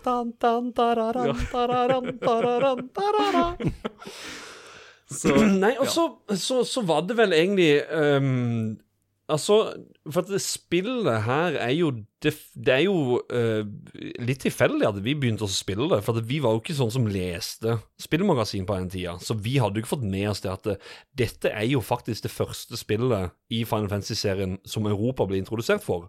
Dermed har det en ekstrem påvirkning i form av at, at det er liksom Det er det spillet som er veldig populært uh, uh, her i eh, altså, eller egentlig verden rundt, da, litt pga. handlinga også. Skal jo, må jo selvfølgelig si det. Eh, men eh, det var veldig tilfeldig at vi, at vi spilte det, og det var første gang jeg kjente eh, Du mister jo noen Eller det, det, det er en karakter som går bort, og det var sterkt. Det var, det var vondt. Du Når du har runda et spill, så er det sånn Nå er jeg ferdig med det spillet. Når vi var 10-11 år, eller hva det var for noe, og runda det spillet, så kjente vi sånn tomhet. At det var sånn ja, Livet er over. Det er liksom, det er ikke, nå er det ikke noe mer å gjøre. Altså, ja, ok, jo, det var, det var Ruby Weapon og Emerald Weapon, ja, og kan vi ta de i hvert fall, men det var liksom, det var helt tomt. Det var et sånt spill som bare Det bare greip tak i oss på eh, en sånn hardt emosjonell uh, måte. Og så har jeg en liten sånn her eh, tilknytning til det som er litt spesiell. Fordi Sin4, som eh, lyttere av Level Up eh, blant annet kjenner godt til, sto på retromessa i Sandefjord, så sto han med et bilde av et spesielt øyeblikk når en person går bort. Eh, jeg skal ikke, for nå, nå kommer liksom Rebirth, og, så jeg skal ikke spoile for mye, da. Vi skal ha den spoilerpraten på slutten, det kan jeg jo si allerede nå. Så de som Ja, vil ha spoilere, de kan vente til etterpå studiet, så får dere det. Og så uh, Nei, så, så, så når jeg så det bildet, så ble jeg påminnet om noe som jeg eh, aldri egentlig tenkte noe særlig på. Men så kjente jeg sånn Vent, vet du hva, jeg er nødt til å ha en bekreftelse på det. Og så da har du jo gode gamle emulatorer. Ehm, da var jeg inne og så på PlayStation-emulatoren, og da var det save files. Jeg tok save slots uh, istedenfor at du liksom saver spillet. Og da skrev jeg liksom det ene og det andre for å kunne gjenoppleve diverse ting, da. Uh, samme dato, klokkesett, alt sammen. Uh, eller jeg sjekker ut uh, tidspunktet på når eh, saven til denne personen dør, eh, og tid det er. Og så går jeg og finner ut av at det stemmer, det. Det var samme øyeblikk som min farfar døde. så oi. samtidig, i det øyeblikket den personen dør i dette spillet, så dør min farfar også, og derfor har liksom spillet eh, ja, eh, hatt sin ekstra betydning. Det var litt vanskelig å prate om det uten å skulle spoile. Ja, nei, men, men, men, det, det var liksom vanskelig å forklare. men, men, men dette her er jo kjempeinteressant, syns jeg. ikke sant? For da blir jo den den sorgen som man jo opplever i spillet, blir jo forsterka, fordi at det gjenspeiler jo en sorg i det virkelige livet òg. Ja, ja for det, det, det, var, det var liksom når den eh, personen døde, så er det sånn Så er det jo sånn eh, Den derre vanlige Du, du treffer bare åh, dette her er trist, liksom. Men så hører du bare bam, bam, bam. Hæ, hva er det som skjer? For noen som river pappa opp døra. Farfar er død. Jeg må løpe. Ba, «Øh, Hæ? Hva, hva skjer? Og så eh, Så er det liksom da egentlig Når jeg da fant ut av det, at den save-fila fortsatt var der, og at jeg kunne bekrefte med at det var liksom samme tidspunkt og alt sammen, så fikk jeg sånn flashback på at eh, ja, det, det var sånn det var. Og da, da har jeg fått en sånn, jeg vet ikke, en ekstra ny tilknytning til, til spillet igjen. Eh, litt med at også spillinteressen min er så stor, eller blitt så stor som, som den er nå. Dette, Større enn det- da jeg var yngre. Dette her er veldig veldig fascinerende, for at idet du nevner dette her, så kommer jeg jo på at jeg har jo et litt lignende forhold til den første Narnia-filmen. Altså av disse tre Altså tre Disney-filmene. Eh, eller de to første Ja. var jo Disney, og så var det jo Fox som tok over for tredje. Eh, men, Ja, ja, men med den Løven eh, action-filmene, ja. klesskapet i 2005, den, for, for den husker jeg at den hadde jeg egentlig en kinobillett på, og så døde min farmor. Og da måtte jo den, noen andre overta den kinobilletten for at vi skulle i en begravelse. Og det var liksom rett før jula det året òg, så det var jo sånn Ja. Så, så der kjente jeg at det, Jeg kan forstå litt av den der følelsen, altså. Det, Ja. jeg, jeg kjenner den. En Ja. får den tilknytninga, og Ja, altså, så er det jo da, for å hoppe tilbake igjen til liksom forholdet til, til spillet Altså, det er jo det at eh, Det har liksom vokst veldig på når remaken og dette her, her kom, så var det en sånn um, Det jeg liker med med spill nå, det er ikke, det er ikke nødvendigvis altså spillespillene som er eh, altså, Jo, det, det er jo det som er viktig til syvende og sist, at man spiller spillene. Men jeg synes også er veldig interessant å lese om spillene, og eh, historien til hvordan spillene ble til, og sånne ting. Det er jo mye av det vi holder på med i spill, å ta et sånt dypdykk i spill. Og Final Fantasy 7-prosjektet har betydd så utrolig mye for de som har skapt det spillet, og den passionen som de har for det universet, det er det som gjør det så stort for meg igjen, at det er sånn Fytti grisen. Jeg vet på en måte uh, hvor mye Altså, de dokumenterer på hvor mye de jobber, og hvor mye de har vært nede, hvor mye fansen har trukket de opp igjen. Uh, ifra at de har vært nede i søla liksom og bare sånn Dette går ikke, vi kommer ingen vei. Og så har jeg sett på YouTuber eller Twitch-streamer uh, Maximilian Dude, for eksempel. Han var jo en av motivatorene. At de var snart ok, Når de var nede, da så de på hans reaction-video til E3 og bare OK, dette prosjektet her, det, det, det, må, det må ikke stoppe. Det kan ikke stoppe. Hele verden vil ha det. Og det er jo som de har sagt på alle State of Play og sånne ting òg. Og mm, altså Rebirth, altså Most Anticipated Game, eh, kanskje sånn To be honest, i, i, i en remake-setting, eller en, en, en gjenutgivelse av et spill eller noe, så er det uh, ikke bare fordi jeg er i hypen, på en måte, men så føler jeg at den hypen er så sinnssykt stor. Uh, Silent Hill 2, ja, det fins en hype, men det, det er jo ikke i nærheten Nei. av Final Fantasy 7. Rebirth, remake. Ja. Det er liksom, du, du, er på GTA 6-nivå, ikke sant? Altså, det er liksom, Ja, ja, ja. Dette, dette er liksom de tingene folk ser fram til. Men det, det leder meg jo litt sånn over til på en måte neste spørsmål dette. Fordi, som du sier, ikke sant altså, Denne hypen er så stor fordi Final Fantasy 7 står jo for veldig mange som det beste spillet i serien. Eh, og hva, hva tror du er på en måte årsakene til det? Altså, Du nevnte jo det at det var jo det første som kom ut i Europa, så det er jo iallfall litt av forklaringa i dette, her, tror jeg. Men uh, spillverdenen er jo stor, uh, så Ja. øhm, altså, jeg, jeg tror jo det er det, og jeg tror det er historiefortellinger. Det er det at du Det skjer noe i spillet som sikkert har skjedd i noen andre spill tidligere. Altså, jo, jeg vet at i Final Fantasy 6 det er veldig mye som er ganske likt der, men de er jo grafisk sett to helt forskjellige spill. Det er også mer enn en post-apokalyptisk verden eh, som Eller eh, jeg holder på å si cyberpunk-verden, eller ja. Eh, som, som er i, i syveren, og i sekseren så er det litt sånn eh, mer medieval times, eller ja. Em, jeg vet ikke hva han er for noe, eh, men det er roll- rollefigurene har jo litt å si her, vil jeg jo kanskje vil Ja, jeg kanskje tro. absolutt. Altså, det er jo, altså, Ja. En ting er jo som du snakker om, ikke sant? Altså, Cloud sitt store sverd er jo på en måte veldig ikonisk i sitt design. Du har en fyr som istedenfor høyre arm har en eh, Gatling gun, altså Barrett, Mm, ja. ikke sant? Uh, du har jo uh, Tifa og Erith og hele den fandomen som oppstår med hvem er best, ikke sant? Altså, Jeg har havna på Scarlett nå i, liksom, i, i remaken, altså. Hallo, se på. ja. Støt, støtter den. Yes! Og så må vi ikke glemme Jesse, men uh, det. Ja. Og så Ja, og så er det kanskje også dette her bare med at dette var jo et spill som jo tok på en måte en serie som var kjent for på en måte det du sier, ikke sant? Altså en fantasy-setting. Og så gikk de Ja. over til på en måte at ja, det er fortsatt på en måte en fantasi, men det er mer en slags fantasi i vår tid. Ja, ja, eh, absolutt. Og, og Um, jeg tror også det har litt med spillemåten, fordi at eh, Jeg skal jo si at 16-bit RPG-spill eh, Ja, det funker veldig bra med sånn Sea of Stars og sånn, som- sånn som er nå, men sånn som, sånn som Final Fantasy 6 eller Final Fantasy 3, som det heter i USA, sånn som det var på Super Nintendo, sånn som jeg ser på det med øynene i dag jeg klarer ikke å spille den versjonen. Jeg kan sikkert klare å spille Final Fantasy 7 eh, på, på PlayStation 1, men ehm, det er liksom ja, det, det, det er gameplay. Det, det, er- alt, er så, alt er så annerledes. Uh, og som du sier, karakterer. Det er musikken, ikke minst. Uh, historien. Uh, tre disker. Ja.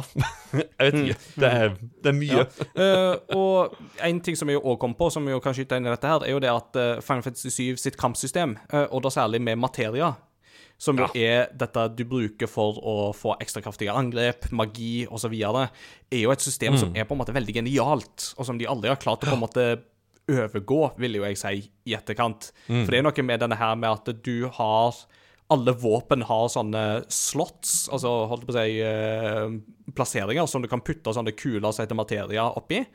Eh, og de kan du jo da bare ta ut og så gi til andre, og så får de den abilityen. Ja. Uh, og når du bruker den materien lenge nok, så blir han sterkere, og etter hvert så vil han kanskje òg fordoble seg, sånn at andre kan bruke den. og det, og igjen, da, altså, det er et så enkelt premiss for å skape et sånt action-RPG eh, Altså et eh, Ikke, ikke action-RPG sånn som vi kjenner det i dag, men det som den gang var litt mer sånn active time battle, som de kalte det. Ja. Si, si eh, sånn som Pokémon, så er det den ene Pokémon som er sterkere mot den andre pga. elementene og sånne ting. Og det er jo det du gjerne møter i dette spillet her også. At du Oi, den kampen her så skulle du kanskje hatt den materien eh, tilknytta den karakteren for å gjøre det angrepet, eller Så det var jo også sånn der eh, Jeg vet ikke eh, til, at det er en meny med farga kuler. Og, og det å sette det opp Du kunne sitte i en halvtime, time, og bare, bare legge sånn det, Og dette er det ultimate. Og så spiller du i to-tre timer, og så må du bare begynne på nytt igjen. Bare, Dette er det ultimate. Og så er det Det høres kjedelig ut. Bare sitte i en meny, bare legge sammen noen kuler med diverse abilities. Men herregud Altså, ja, det er, det er så satisfying. Å bare sitte der og bare kom, Kombinasjoner, alt. det mm, for, for å si det sånn, sånn Peter jeg kan, eh, det, det er like tilfredsstillende som å sortere items i kofferten i Resident Evil 4. da. Ja. Det er sånn Du, du, du skulle tro det, det, det, er sånn som høres kjedelig ut, helt til du spiller det sjøl. Ja. for en gammel fan av Final Fantasy 7 som deg, hvordan var det å endelig da slå kloa ned i Final Fantasy 7 Remake i 2020? Jeg var først som var livredd for hva gjør de nå? Øh, og har jo sett uh, tilbake på gamle klipp og bare øh, Det var egentlig ikke så veldig bra, det vi fikk før, og så fikk vi jo da sluttproduktet. det var øh, tåredryppende fint. Uh, et sånn gledelig gjenforening med disse her uh, kjære karakterene. Og det var en Jeg vet ikke. Altså, veldig mange er jo på det at eh, Jeg vil ha OG Final Fantasy 7 bare i en ny drakt. Men jeg sier, det er altfor naivt å tenke at eh, du skal få eksakt eh, det samme spillet. Det må være noe ekstra ting. Det må være et eller annet. Eh, skal ikke spoile, uh, men det er det. Nei, ja. Det, det kommer i mot slutten av episoden. Men ja, det Det er lettere å snakke om i spoiler, for å si det sånn. Men uh, da, da, da, da sparer vi liksom litt av den praten. Men eh, u- uansett, iallfall, så tenker jeg at det korte, eh, den korte versjonen er i fall at du var positiv innstilt. Og, Du, jeg er så positiv opp mot nå, mot Rebirth, så har jeg tatt, eller skal ta kontakt med en god kamerat av min bror, som er tatovør, for å snakke med han om å ta den kjærlige kometen som er logoen, og ta den på armen. Oi, skal jeg si. Fordi, Ja, ja, ja. Da får du ta bilder når, du, når det er gjort, så får vi fotobevis. Eh, Ja, Ja. og, og, og, Du må ha fotobevis for å tro at du har gjort det. det ja, ja men det er ligger litt permanent på armen, det er ligger ikke bra sterkt- nok. Det, Nei, det det, det, det ligger sterkt i tankene, i hvert fall. Så, så får vi Ja. se. Eh, så sånn uh, avslutningsvis, da. Altså, nå har det jo vært en State of Play som ga oss et veldig godt innblikk i Final Fantasy 7 Rebirth. Og for de som jo da ikke på en måte kjenner konteksten her, så er det jo sånn at uh, Final Fantasy 7 Remake, det dekker jo bare innledninga til Final Fantasy 7. Altså, i det originale Final Fantasy 7 så begynner du i denne byen som heter Midgard, eh, som vi jo snakket om. Denne her store smultringbyen, eller hva du skal kalle det, eller pizzaen, om du vil. Eh, og så, et, og, så, går man jo ut av Midgard, og da er det en hel stor verden som ligger åpen for deg. Det er jo i originalspillet. Mens i remake så var det jo da kun Midgard-delen som du spilte, i en ganske utvida variant. Nå, nå er det jo da mer ut i den store, åpne verden, så nå skal vi besøke plasser som Junon, uh, vi skal besøke Wutai, sannsynligvis, vi skal Costa del Sol. Nibelheim, uh, selvsagt. Ja, ja. Uh, så hva tanker og forventninger sitter du med nå? Eh, altså um, Tips bare sånn til dere som, som er nysgjerrig på liksom Rebirth. Eh, ikke se det siste traileren som kommer, i hvert fall. Fordi at den, den, den spoiler som aldri før. Men for meg så gjør det ikke noe. Ja, ja men, det, men, men for meg så gjorde det ikke noe. Det, det var mer eh, Det bare traff meg. Altså, altså jeg, jeg streama dette her, og altså, jeg, jeg grein. Men, men siden jeg var live, så var, ville jeg ikke hulke eller noe. Men, men det, var, det var så mye tårer i øynene. Det var så klump i halsen. Jeg klarte nesten ikke å prate. Det var Jeg bare satt stille til slutt og bare jeg, jeg, Ja. Jeg klarer det ikke mer. Det, jeg må bare si takk for meg, og så, så slo jeg av streamen. Um, og i dag uh, Jeg sa til deg, Ingar, at uh, før vi begynte innspilling, så var det Ja, nei, det var, det var en sånn derre Uh, ja, hva skal jeg si uh, øh, En, en paff dag. Fordi at når jeg har spilt demoen til Rebirth, og jeg ble så paff for at jeg bare Åssen får de det til?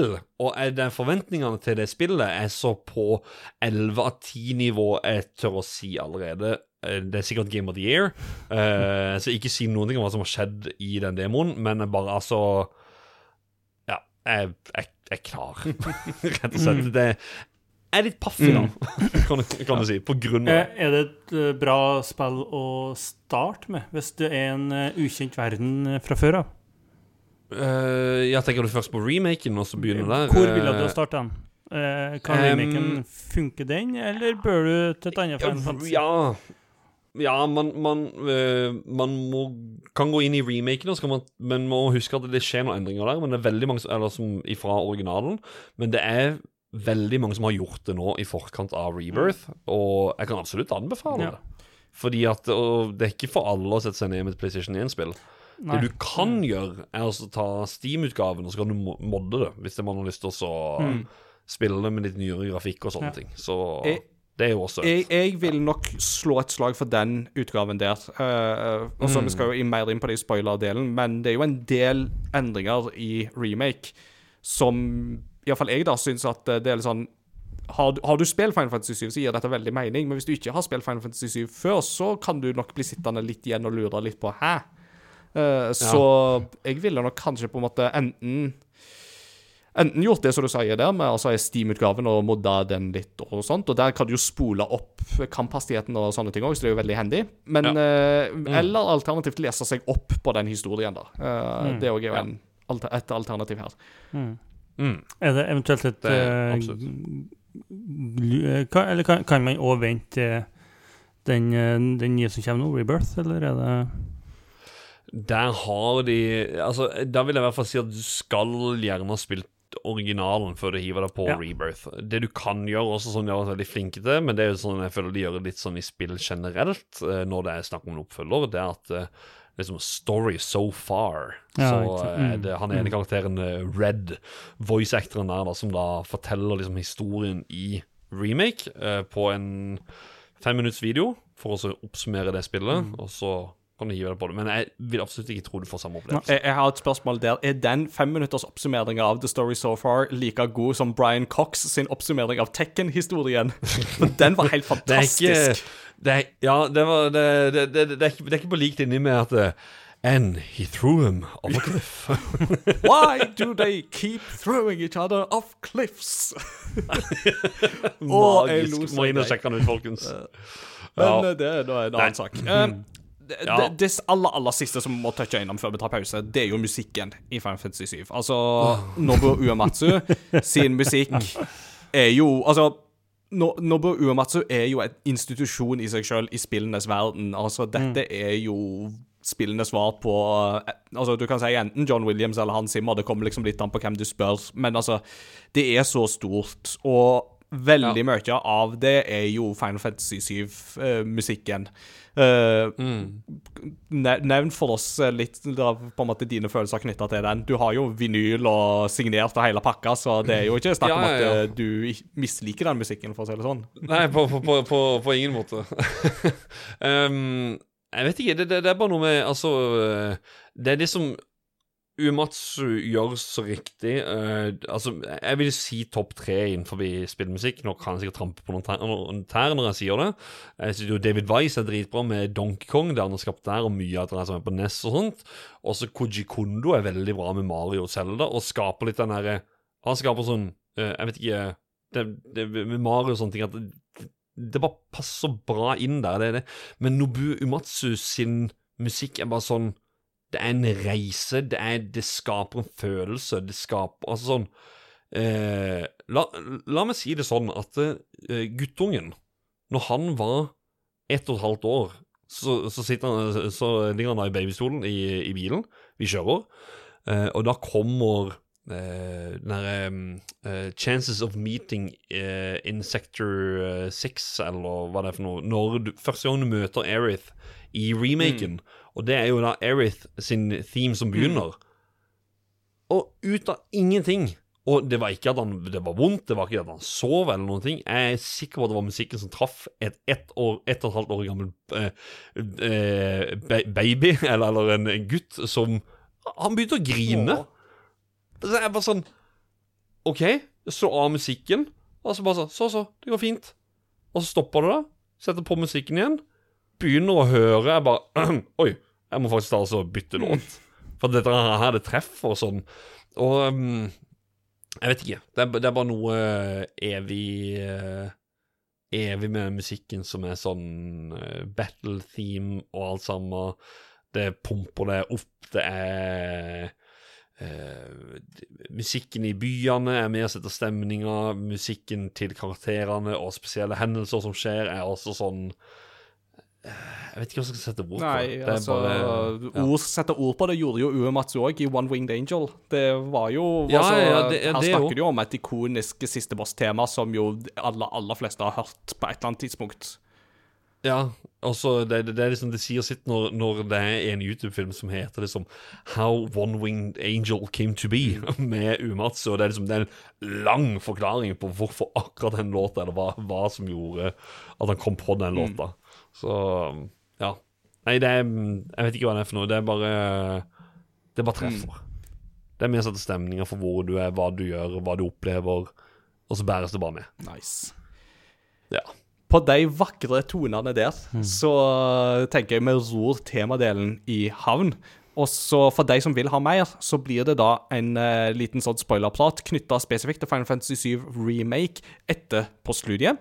Eh, men ikke skift kanal, for etter pausen så skal vi høre litt eh, fra lytterne og hva vi har spilt i det siste.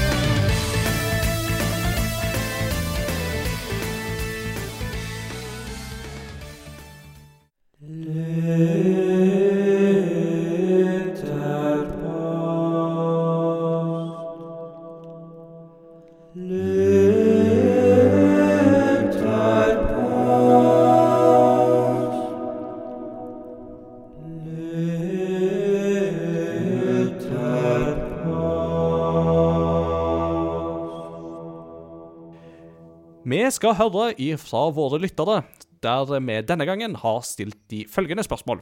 Du blir jakta på av hovedpersonen i spillet du spilte sist.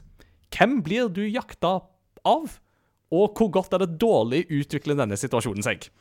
Så eh, dette er en sånn her eh, Hvor bra eller dårlig går det? Det har vi da stilt lytterne i eh, våre sosiale medier på henholdsvis Facebook og Discord, som du finner lenker til på crossovergaming.no. Så bli med der. Jeg begynner med Christian Kumlesopp. Han skriver følgende. Det hele begynner med at jeg uforvarende tråkker på et kakestykke noen har satt langs veien.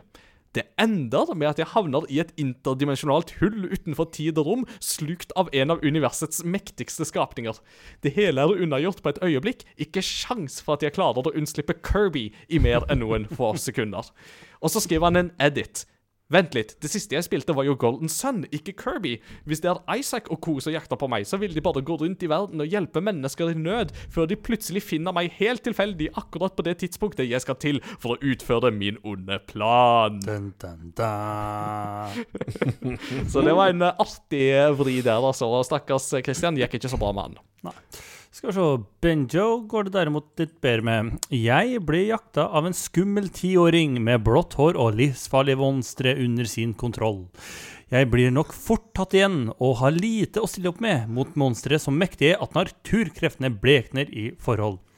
Heldigvis, når jeg blir tatt igjen, så får jeg bare spørsmål om jeg vil ha en Pokémon-kamp, som jeg ikke kan da jeg ikke har noen Pokémon. Deretter vil han antageligvis hjelpe meg enten med å fange en Pokémon, eller gi meg fem baller for å fange noen selv. Sånn slett ikke eh, Sånn slett sett gikk ikke dette så aller verst. Det er jo en fin måte å fange Pokémon på, det. Det er jo å få en tiåring til å fange dem for deg. mm. Espen, Barnearbeid er vi tydeligvis for. Ja. I de rette kontekstene. Eh, Espen Tveit han skriver Jeg blir jakta av en person som omtrent stopper tiden når han står stille, og som slår folk i biter med bare nevene. Er han, som premisset sier, etter meg, kan det umulig ende godt. Og så skriver han super hot. Super hot. Super hot. Så da er det super hot han har spilt i det siste. Det, det var lenge siden jeg spilte. Det er artig. Ja, det er kjempegøy. Uh, Exilialith skriver Jeg blir jakta av en japansk skoleelev med pistol. Mystisk nok retter de ikke den mot meg, men mot seg selv. Det her kan jeg gi litt kontekst i hva du har spilt, eh, sekvensen. Ja, nydelig. Takk skal du ha. Det trengs. Uh, premisset her skyt deg sjøl i hodet, så får du superkrefter. Helt sant. Mm. Åh, elsker når spill gir mening. Ja, ikke sant. Mm. Det, apropos gir mening, så skriver Eirik blir jakta av en rørlegger med bart og rød hatt. Han har et arsenal av biler og motorsykler, og selv om jeg drar helt til check notes regnbuer i verdensrommet, følger han etter meg. Flere ganger har jeg fått lurt ham til å kjøre av banen, men hver gang kommer en liten fyr på en sky og check notes again, fisker ham opp igjen. Heldigvis ligger jeg et stykke foran, men hva er den lyden jeg hører? Og hva er dette blå som kommer bak meg? Oh, oh. Nå har ikke Eirik bergensdialekt, men eh, Rett, rett, rett før det blå treffer deg, så hører du Yahoo! Ja. Det, jeg, jeg liker hvordan eh, Erik veldig fint driver med sjølskryt om at han tydeligvis alltid er fremst eh, når han eh, spiller Mario Kart. du, du, du, du, vet, som teolog som, eh, så, så, så, så pleier jo å si at det, det, da, da Jesus sa 'de første skal bli de siste', så var det blått skall han tenkte på. Men eh, hvordan går det med oss da i dette scenarioet her? Så Håkon, eh, hva- hvem jakter på deg, og hvor bra eller dårlig går det? Nei, det er jo en blond fyr da med spike i hår og uh, svært sverd, som vi nettopp har prata om. Det er jo Cla- Cloud Strife. Så eh, ja, Jeg vet ikke, altså.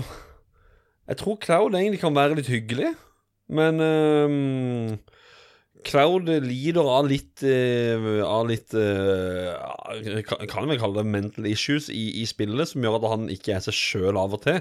Så hvis han plutselig blir en annen person, så hjelp. Eh, men hvis han er seg sjøl, så, så, så, så er jeg ikke så redd, egentlig. Men, men, men det, det er litt skummelt da, dessverre. Sverre. Ja, det, det kan det innstille frykt i hvem som helst, tror jeg. Spørs, spørs hvilken materie han har sittet i eh, i tillegg, da. Så det er gjerne materia fritt. Ja. Uh, men uh, ja. Mm. Nice. Uh, Peter, i ditt tilfelle? Altså, jeg er skamdau, jeg, da. Det er nok, uh, skjer, jeg. Det, da, altså, jeg blir jakta av en eh, persisk eh, fyr med tidvis eh, lysende blå øyne. eh, med uante krefter som uh, messer både med tid, sted og rom. Eh, så samme hvor jeg gjør meg, så tror jeg at jeg blir tatt igjen samme hva jeg gjør. Ja. Så Ja. det er en liten det er en prins der som kommer flygende etter meg i full pace. Hmm. Nice. Så det, ja. Jeg blir, eh, jeg blir jakta på av eh, ei Jeg vet ikke hvor gammel hun er, men hun er relativt ung eh, dame som ser, virker veldig sjarmerende, helt til hun bare liksom drar fram Mishima-style kampsport og knuser meg inn i, nærmeste vegg og ler mens hun gjør det. Så jeg tror det går fryktelig dårlig med meg, for å si det sånn. Hvilken karakter er det? Jo, det skal vi komme tilbake til.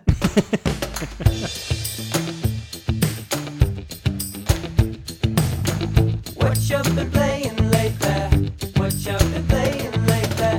What you been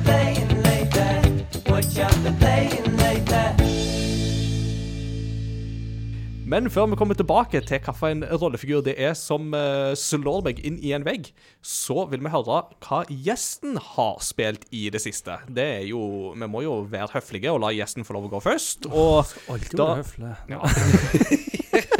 It's just the sort of guy I am. Skal vi, skal vi ta Ja, ja. annethvert spill, da? Eller skal jeg egentlig bare nevne de tre spillene jeg har spilt? Uh, Ja, nei, du, med, du bare tar Som, som jeg sa, nå, altså med den tingen i stad altså Det her er ofte segmentet som innimellom kan ta lengst tid. Så her, Ja. nå, nå, nå bare start fra den enden av lista di du har lyst til å starte, og så snakker vi. Ja, OK. Mest du, Kan- men vi. Mm, altså, jeg skal ikke snakke mer om Final Fantasy 7 i dette eh, punktet her. Altså, jeg har jo spilt det, men jeg har spilt noen andre spill også, så jeg velger å nevne de istedenfor.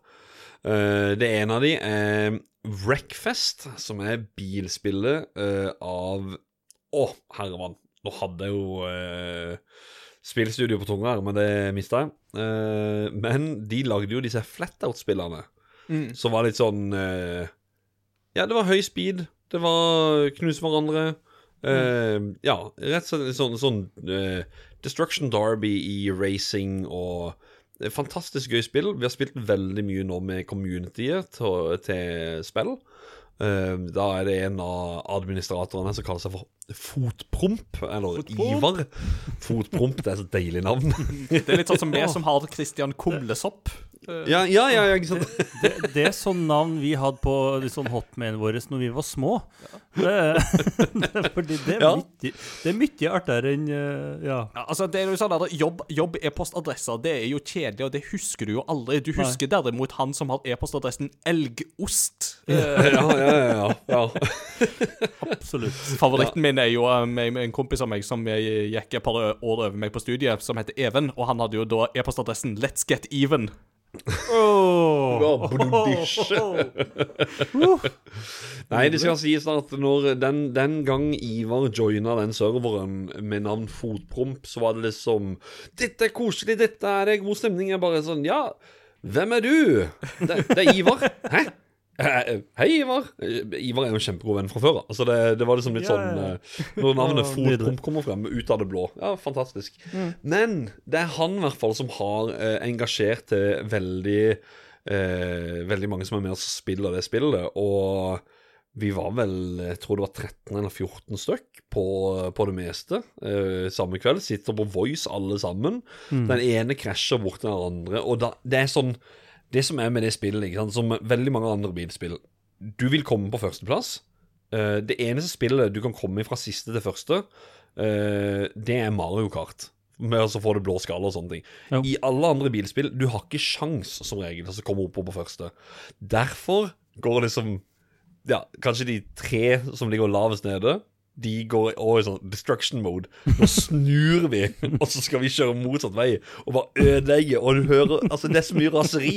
De er, de er så hissige, og det er så gøy. Og det blir sånn øh, Den ene strofa etter den andre blir sagt, og det er bare sånn Vet du hva? Jeg koser meg nå. Nå, nå storkoser jeg meg. Nydelig. Ja. Så er det jo det, du har jo en health bar også i spillet, som gjør at du kan ikke krasje evig. Eh, mm. han liker å sette på realistisk, så du skal være forsiktig i svingene. Du kan plutselig miste et, eh, et forhjul, og ja, Og da er det bort, liksom. Ja, da, da er det borte. Du kan ikke stoppe opp og reparere det på noe sidedepot eller hva nå enn. Det du må bare kjøre. Og når du mista ett dekk, da går du i destruction mode. Bare, nei, Ja. nå skal jeg bare ødelegge for alle andre. Ja, da skal vi ha det gøy. og da er det biler som eh, Ja, så du har eh, inspirert av eh, ekte biler, ekte racingbiler, alt mulig, men du har også en sofa. Du har en liten pocketbil, du har eh, radiostyrt bil, du har eh, en utedo. Eh, du, du har et, et stort Et stort spekter av, av forskjellige typer biler. Så Wreckfest, det anbefales, og det er utrolig gøy. Kult. Hørtes jo artig ut. Eh, en sånn god destruction derby der, rett og slett. Ja, ja, ja. ja. Eh, men jeg ser du har jo Det er jo ikke det eneste du har spilt som eh, du har vært sosial på, antar jeg? Nei, for eh, neste er Lethal Company. Da det, det, Jeg har ikke spilt så veldig mye. Men uh, vi var tre stykk. Uh, to fra Ragequit og en som er rundt forbi i diverse uh, diverse podcast-communityer, som heter Asim. Han inviterte oss til å spille Lethal Company, som er eh, Nå holdt jeg på å si Among us-basert, men det er det jo altså absolutt ikke. Det er uh, proximity chat. Uh, det, det, altså det, det er indie-spill. Det er ikke hurra meg heia en grafikk. Det er faktisk Det er helt ræva grafikk. Det er, det er så Det er vel én person som har laga det spillet, hvis jeg har skjønt det riktig. Du, vet du hva, Det har faktisk ikke sjekka særlig på. Jeg har bare, bare spilt og, Og, og bare sånn Grafikken er absolutt ikke noe å skryte av. Gameplay, derimot, det er noe å skryte av. um, det som er da Altså, bygg dere scenario nå, da. Vi tre vi lander på en fremmed planet, hvor vi da skal samle søppel. Og søppel har en verdi i dette spillet. Vi skal innom tre forskjellige planeter. Eh, vi velger sjøl hvilken vi skal reise til. Diverse eh, Noen har litt regn på seg, noen har eh, kvikksand. Eh, ja, litt sånn forskjellig, da. Og da skal du alltid finne en base. En sånn hovedbase som du skal gå inn i, og der vil du finne søppel. Eh, og det er jo proximity chat. Det vil si, jo lenger vekk vi er fra hverandre, jo mindre og mindre og mindre hører du oss. Ja. Og da Litt sånn som jeg gjorde nå. og eh, det er så sinnssykt fort gjort i det spillet her. Fordi det er monstre også som plutselig kommer frem. Ja, og da er du whoop, Så er du vekk fra hverandre. Og så er det sånn Oi, hva gjør jeg nå? Eh, OK. Meg og Peter, vi går sammen. Hvor er Ingar? Ingar, Mm. hallo? Oi. Nei, han, han er død. Eller? Han er, han er død. Vi får bare gå og lete etter søppel. Så går vi og leter etter søppel. Men det som egentlig skjer, er at Ingar han gjør akkurat det samme. Han går og roper, eh, roper etter oss og bare 'Hallo, er dere her?' Uh, shit, de er døde. Jeg tar med meg søpla jeg har nå, så går du til skipet. Og så trykker du da på knappen for at du skal fly. Da kan ikke mer Peter kommentere dette her før f altså før slutten av gamet. At oh. Vi var jo i live og alt sammen, vi. Du bare valgte å reise i full panikk. Så det er sånn Det skaper en sånn spenning, og så må du Da, da må du kanskje kombinere opp med å legge en sånn strategi. OK, vi splitter lag. Um, hvis uh, du er usikker, du til, eller hvis du går tilbake igjen og legger fra deg søppelet der, så gir du tegn på at uh, eh, jeg har lagt søppel her, jeg er fortsatt i live. Eh, altså, du må bruke alt som er der, for å så eh, prøve å ja, uh, ja, gi livstegn, da. Eller egentlig samarbeid, for alt det er verdt. Og så er det det at fiendene i spillet har en sånn For de som har spilt Alien Isolation, så er det jo også sånn prox proximity chat opp imot den alienen, da. At hvis ikke du er stille, så tar han det. Og samme er det med monstrene her. Du må være helt stille. Så når vi der går rundt og så bare 'Der er stå! Og så må vi helt stille og gå stille og bare oh, oh, Ei. Kjempegøy. Jeg har prøvd å selge det inn til mange. Det er nesten ingen som lyst å være med på det. Det er et av de mest populære spillene på Steam. Jeg håper at jeg solgte det inn greit til noen andre nå. Jeg husker, altså For meg så var dette et helt ukjent spill helt til vi skulle kåre Game of the Year i Game Rector i, uh, for 2023. Og vi kom til årets indie. Da var det en som slang inn dette her og bare sa dette må vi ha med. Uh, og det havna jo på, på lista, det, altså. Så det var tydelig det at det, det traff et segment. Det er litt sånn indiespill i typ at det var Vampire Survivor det ene året, som bare var sånn For et artig, nytt type gameplay. Uh, og sammen med David Diver også er dette. Ja. Men, men kan jo da er grafikken ødeleggende her? At folk Du, du snakker snakker om det, og så tar folk og sjekker ut det, og så ser du bare stort sett bilder. Ja, du, sånn, du, må, du må ah. bare droppe grafikken. Altså, når du løper i spillet, det Det ser så dumt ut. det, jeg finner noen ord som passer til, til liksom grafikken. Det er, det er, det er en, det er en eh, utrolig kjedelig eh, Nintendo 64-grafikk som bare er strekt og uh, ser ut som man har sånn pulverisert filter over seg og er uh, Ja. Det, det er ikke pent i den forstand, men gameplay Ti av ti. Elleve av ti. Mm, Ja, og gameplay is king. Det, Ja, ja. Det er det som, det er det som overgår. absolutt. Mm. Ja. blir det bare sosial gaming, da? Eller blir det litt sånn uh, alenetid òg?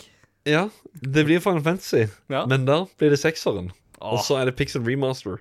Eh, det plukka opp nå på grunn av det helt ut av det blå kom en eh, update, og det er Final Fantasy 6 Pixel Remaster er jo en eh, det, er, det er en remaster eh, eh, Altså eh, ikke, ikke bare det at det er liksom litt sånn oppskalert. Altså, nå har du 16.9-bilde. Det er jo nyere musikk, det er ny type HUD i spillet.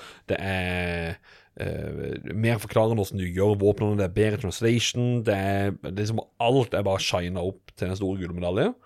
Men det var én ting som mangla, og det merka jeg når jeg skulle spille det i forkant av spilleepisoden. Det er at du må grinde noe vanvittig i det spillet. Det lider du litt av. Og det, det, det er alle jeg kjenner som har spilt det spillet, har sagt at eh, når du kommer til second half i spillet, og du oppdager at eh, nå må jeg grinde, der er folk datt av. Mm. Så nå er det kommet en update som eh, en del andre Final Fantasy-spill som er blitt re-released, har allerede hatt. Og det er at du kan sette opp gange på XP, på GIL, eh, og så er det Du kan slå av random encounters. Eh, du får de valgene der, da. Og jeg vil si at i det spillet her er det ingen skam å sette uh, XP-en til ganger to, ganger tre. Det er egentlig bare eh, eh, quality of life improvements, bare, det gjør spillet bedre, på en måte. Det gir det det det mangler. Mm. Som Og det du får i Pixel Remaster i utgangspunktet, det er så vanvittig bra at eh, eh, Ja, de kan ikke gjøre noe annet med Final Fantasy 6 enn det de har gjort her. Nei. Det er liksom sånn Stopp her nå. Nå er dette her perfekt, på en måte. Nå er det det spillet uh, folk burde sjekke ut. Hvis ikke de har spilt Final Fantasy 6. Mm. Så mm. Det, dette her med liksom muligheter for å skru av og på random encounters, eksempel, det var jo en sånn ting som jeg Altså, det første gangen jeg husker at Square Enix gjorde dette, det var jo Ja. med Bravely Default på eh, Nintendo 3DS, som jo er et eh, JRPG som jeg er veldig glad i. Har en Mm. fabelaktig spill. Men der var det jo sånn at da kunne du enten skru det liksom helt av, eller så kunne du skru det opp til 200% For at der var det ikke sånn at du kunne slippe unna grindinga, men du kunne få grindinga til å gå fortere. Pluss Mm. at du kunne skru opp hastigheten på kampanimasjonene eh, til liksom til å gå to ganger så fort eller fire ganger så fort. Og da, Mm. Ja, det gikk, også, det jo, og da gikk det jo veldig fort. Mm. Så de, de gjorde noe helt genialt der i Bravely Default, som de har lært og tatt med inn senere inn i Final Fantasy, som jeg setter veldig pris på. Ja, det var jo egentlig litt, det var litt av det jeg også snakka om tidligere, med at Final Fantasy 6 på Super Nintendo Jeg vil Altså, jeg kan ikke si jeg, Og jeg, kan- jeg kan ikke finne en god grunn til at folk skal spille enten det, eller på iPhone, eller på altså Android, eller på PlayStation 1. Det er ingen grunn til å gjøre det. Det er Pixel Remaster som er veien, veien å gå nå. Det har shina det opp. Det er ikke gjort noen endringer, annet enn at det, det er quality of life improvements. Så ja. Mm. Herlig. Kult. Dette er jo en eh, fin og blanda cocktail, Mm. vil jeg jo si. Rett og slett. Yahoo! Ja. Så, eh, Peter, eh, du ble er jakta på. måten å se det på. Ja, ja, det er så vakkert. Ja, takk til Alex og Øyvind og resten av gjengen på jobb som fant ut av det. Det så, det, det er vakkert, rett og slett. Så Peter, du blir jakta på av en persisk prins, sa du. Men det er vel kanskje holdt på å si, eh, livvakten hans du ble jakta på? Jo da, ikke stemmer det. Uh, jo, Prince of Persia. The Last Crown. Det er det det går i aller mest for tida.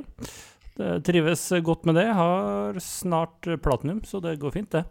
Så det er, det er kjekt. eh, er det. Og som vi, som vi snakka om forrige gang, altså animasjonene i det spillet er fortsatt skamlekkert. Mm. Og syns storyen er utrolig kul. De har virkelig For min del så har de lyktes skikkelig med det spillet der. Um, og jeg ble jo tisa litt eh, forrige, forrige episode om at jeg måtte glede meg til jeg kom på havna.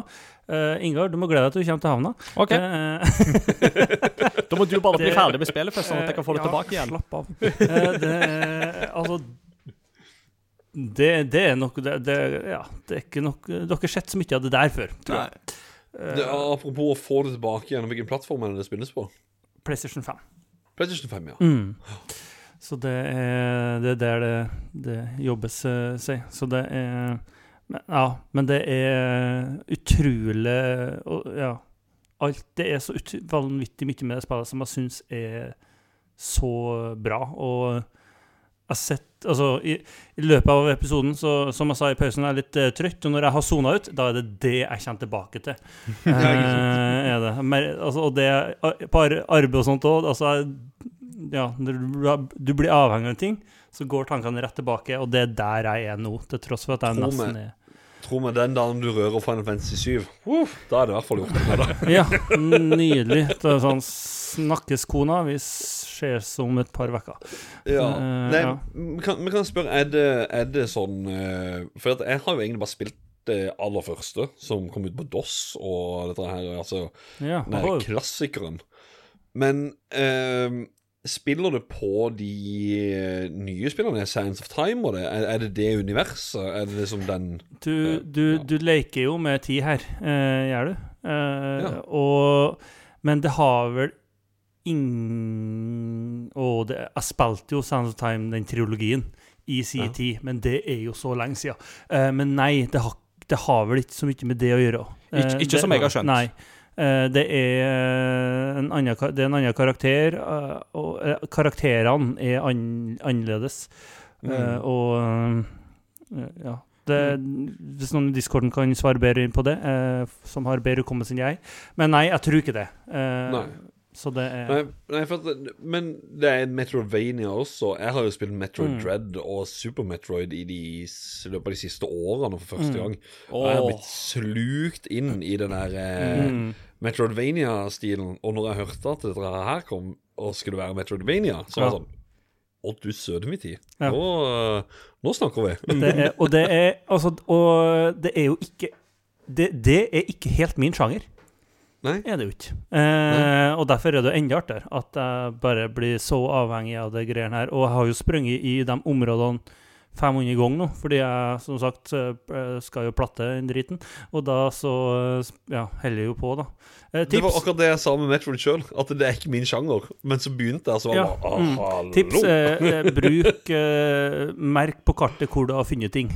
Ja. Så slipper du å lete etterpå. Ja, men for, for det er jo en Takk ting for som jeg tipset, har Petter. Det skulle jeg hatt for ti timer siden. Ja, for det er jo en ting som jeg har skjønt at dette spillet faktisk har, er jo det at du kan feste skjermbilder på kartet. Ja.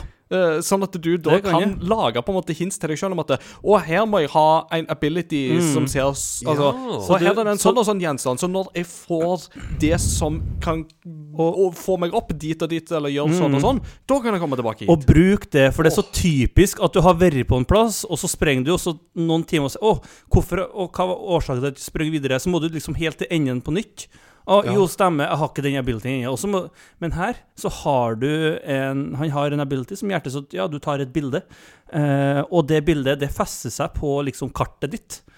Så du slipper liksom Ja, så du kan lett gå inn og så se hvor har du vært hen. Eh, Hmm. Og det, akkurat den er òg veldig lurt å, å bruke. Det var en sånn ting som jeg var ganske treg til å komme i gang med, men som ja, kartet ble ganske greit dekt etter hvert. Ja. etter hvert.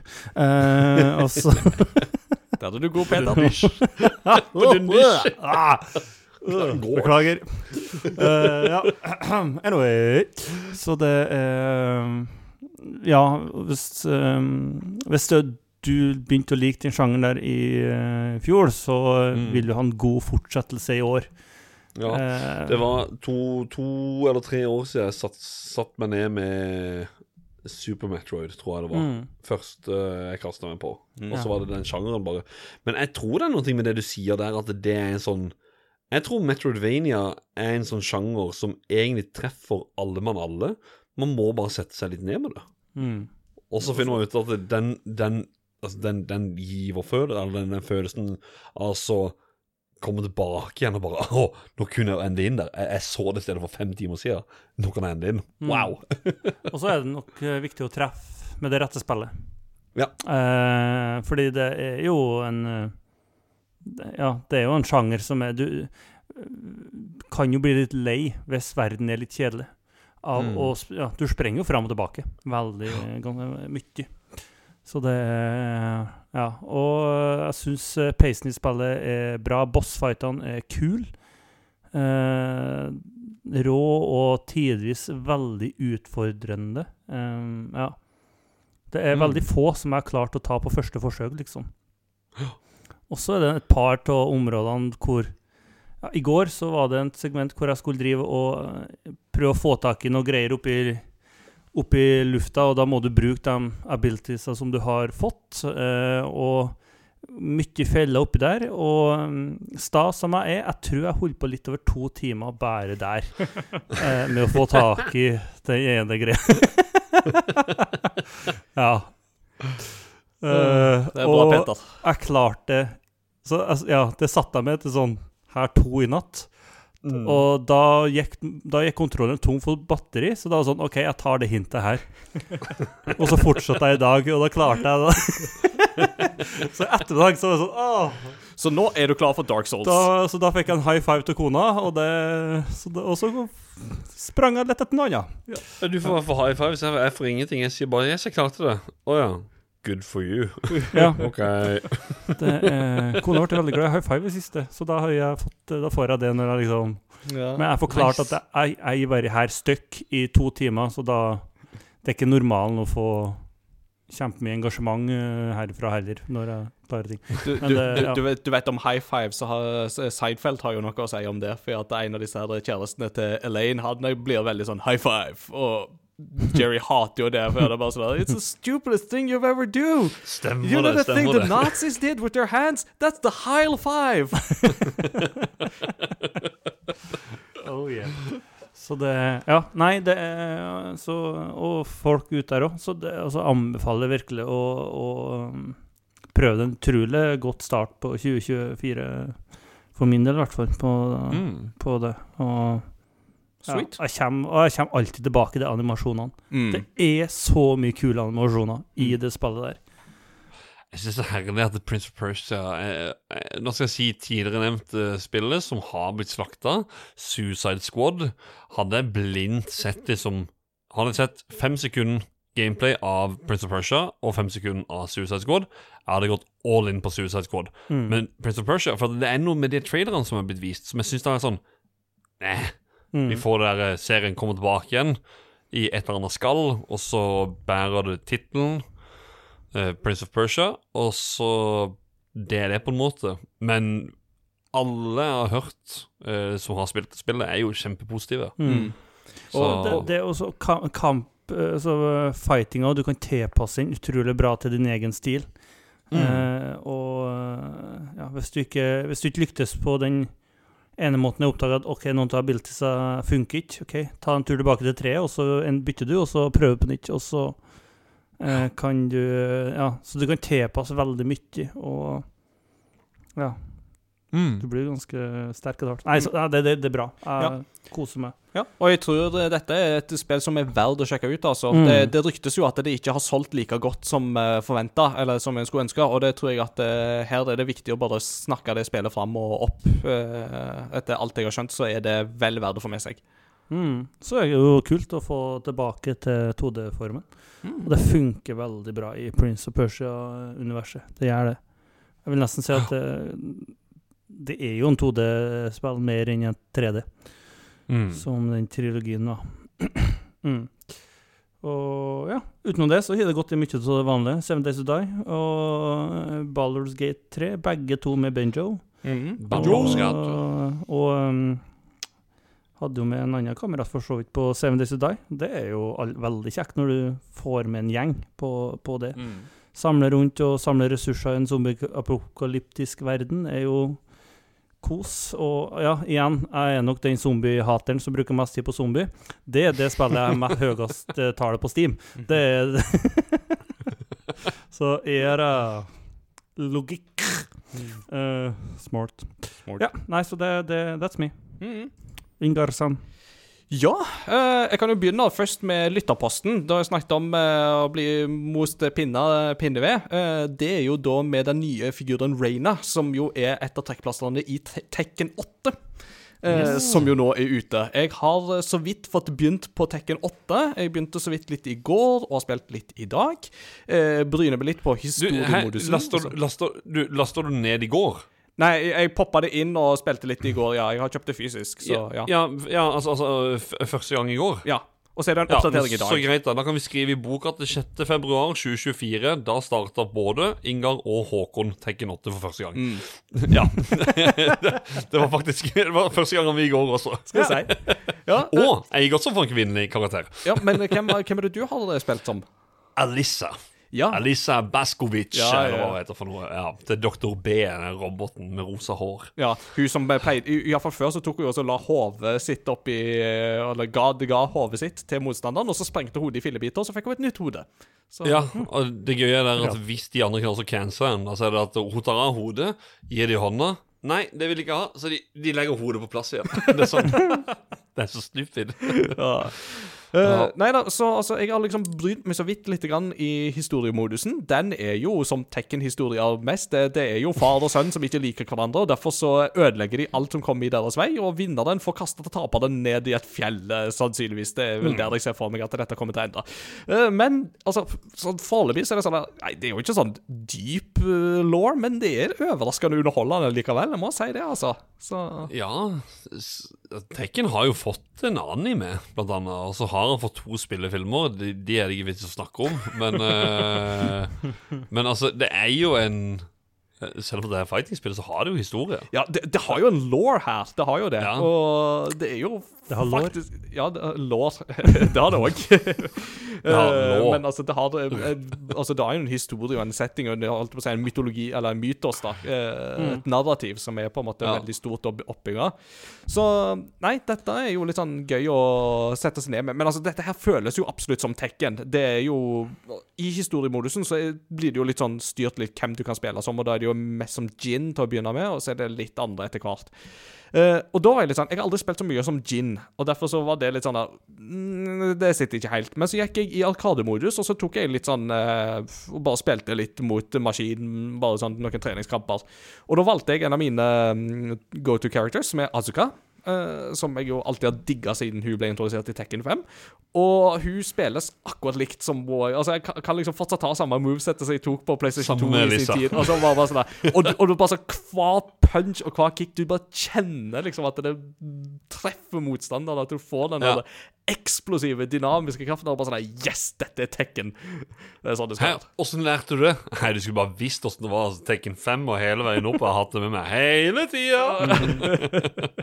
Eh, men uh, en av de nye gøye rollefigurene her er jo Reina, som jo mange har beskrevet som eh, The Hot, hot Goth Girlfriend. Uh, men Mm. altså, hun er jo en litt sånn mystisk ny skikkelse som er kommet inn i dette her, men hun har seriøst et utrolig kult moveset og et veldig kult character design, så dette her skjønner jeg jo veldig godt at dette er en figur som folk liker. Og så har du jo ei ny ei fra Peru, Azucena. Hun er veldig glad i kaffe. Hun snakker om kaffe hele tida. Eh, så det er jo Hun og. Detektiv Pikachu. Ja, det er hun og Detektiv Pikachu De hadde blitt veldig gode venner. Ja. Så, og en sånn ting i Tekken-spillet som jeg jo elsker, det er jo det at alle snakker sitt språk, og alle skjønner hverandre. Sånn helt Ja. Ut. Ja. Altså, han ene snakker fransk, og så svarer han andre på italiensk, og så svarer den tredje på japansk, før den fjerde avslutter på engelsk. Det, det gir helt mening, det. Ja, men, men jeg digger er det. multilanguage. Altså, jeg vil heller ha det enn sånn gebrokken uh, italiensk, engelsk, eller uh, sånne forsøk på liksom å få høre oss Altså jap japansk, engelsk, eller hva det nå måtte være, som Eller sånn eh, borderline racist, kanskje, til tider. ikke sant? Altså, jeg liker det her bedre. Eller japansk, også kjent som koreansk. Ja, sånn som du Ja. i Heroes. ja. Uh, så det er liksom det med Tekken så langt. Uh, jeg, altså, Enn så lenge så har jeg nok likt Street Fighter 6 bedre, men jeg må få litt mer tid med Tekken 8 før jeg på en måte eh, kan si Ja. mer sikkert. Men altså, fighting-fans spiser godt. Det er Ja, altså, altså det, det, Nå har jo jeg vært medlem av og vært med å administrere dette her i mange år. Ikke nå de siste årene, pga. voksenlivet har eh, trådt til. Og interessen dabba litt, faktisk, eh, med Street 85 og dette. Men jeg var med og eh, drev noe som heter Round 1 KO, som er et av de norske fighting spill-communityene. Nå kalles det bare for liksom norsk eh, FGC. Det er liksom det som er greia der, da. Um, de driver jo på fortsatt, og så er det noe som heter Ranking Battles Norway. Ranking Battles Norway de er mest på tekken. Det var, eller når, når- de liksom holdt på da, og Round 1 KO holdt på, så var det liksom uh, Ranking Battles Norway, det var tekken. Round 1 KO, det var Street Fighter. Uh, og tekken uh, Det er bare sånn spill jeg merker at er det et fightingspill som, som sendes lett inn, så er det akkurat det på grunn av liksom det, der, det er litt meshing-vennlig. Det er ganske lett å lære noen basic komboer. Street Fighter har det kontrollsystemet som er kvartsirkel og charge, som gjør at det, det er litt vanskelig å lære. Eh, sammen med Mortal Kombat og Injustice og hva nå enn av andre fightingspill. Tekken er alltid enkel å plukke opp, merker du. Helt klart. Og så ser det jo veldig bra ut, altså. Det, det gjør det. Ja, ja, ja. det altså, filmsekvensene har jeg litt sånn Når det dropper ned til 30, og så syns jeg ikke alltid de har på en måte helt klart på en måte svartbalansen og sånt veldig bra, men med en gang du får det inn i på en måte 60 animasjons eh, 60 bilder per sekund, og den flyten i selve kampene Det flyter så bra, og det ser så bra ut. Så ingen, altså, du, du ser på en måte Litt sånn som med you i Street Fighter 6, at du ser på en måte musklene som spenner seg, og svetten som Ja. Det er jo sånn her òg, bare Ja. enda mer demente, for de har jo like absurde kroppsfasonger her som de har i eh, Street Fighter 6. Så. Ah, apropos eh, kroppsfasong, så må jeg jo bare si, eh, og litt til episoden her som vi har snakka veldig mye om Vet du hvem som er most wanted character from other games som guest appearance? Ja, det er Tifa Lockhart fra Final Fantasy Ja, Og eh, helt har sagt Ja, vi får se. Ja, altså eh, De hadde jo han fra Final Fantasy 15 som, eh, som eh, guest character, og de har jo hatt De har jo hatt han herremann Akuma fra Street Fighter. Så de, de har jo noen guest performance fra andre spill, da. Og da Ja, jeg, jeg peker litt på at jeg tror Tifa kommer til å gjøre en liten appearance der. Det hadde faktisk passa veldig, veldig godt. Altså, Ja, ja, det er ingen det, det, er, det er en nydelig match, så make Ja, ja, it ja. happen. Det sier jeg bare. Ja. Men um, sist episode så snakket jo jeg og Anders, som jo var gjest da, vi snakket om Mhm. den store elefanten i rommet som vi ikke kunne snakke om da. Uh, den elefanten den heter Persona 3 Reload. Som Jeg er satt, det jeg satt jo halve episoden og hvordan kan det være? Og så avslutter jeg episoden med sånn Å, jo! Jeg vet det! ja. Så det var en veldig usynlig elefant Ja. som jeg hadde plassert rett ja, bak trynet mitt, tydeligvis. ja, ja, ja, rett og slett. Eh, Men uh, Persona 3 Reload er jo da en eh, remake av Persona 3, som jo er da et eh, Det var egentlig et PlayStation 2-spill som kom i 2006. Og så fikk det jo en sånn utvida utgave i 2007. Og så fikk det en PlayStation Portable-utgave i 2009. Eh, og siden den gang så har Persona bare blitt enda, enda større. Personer Persona 5 har jo liksom solgt den serien enda mer ut, og det har da gjort at dette spillet har fått liksom en full remake. Eh, fans vil nok fortsatt krangle litt om hva som er den ultimate utgaven, fordi um, Altså, den uh, Persona 3 FES, som var den utvida utgaven på PS2, den hadde en epilog. Og Persona 3 Portable hadde muligheten til å velge kvinnelig hovedrollefigur. Ingen av de delene er med her i Reload. Så, men på alt annet så er dette absolutt den beste utgaven av Persona 3, det tror jeg man kan kunne si. Med fullstendig oppussa grafikk, nye stemmeskuespillere i den engelske utgaven, eh, forbedra musikk, eh, mange quality of life improvements osv. Uh, Settinga her er jo egentlig ganske mørk.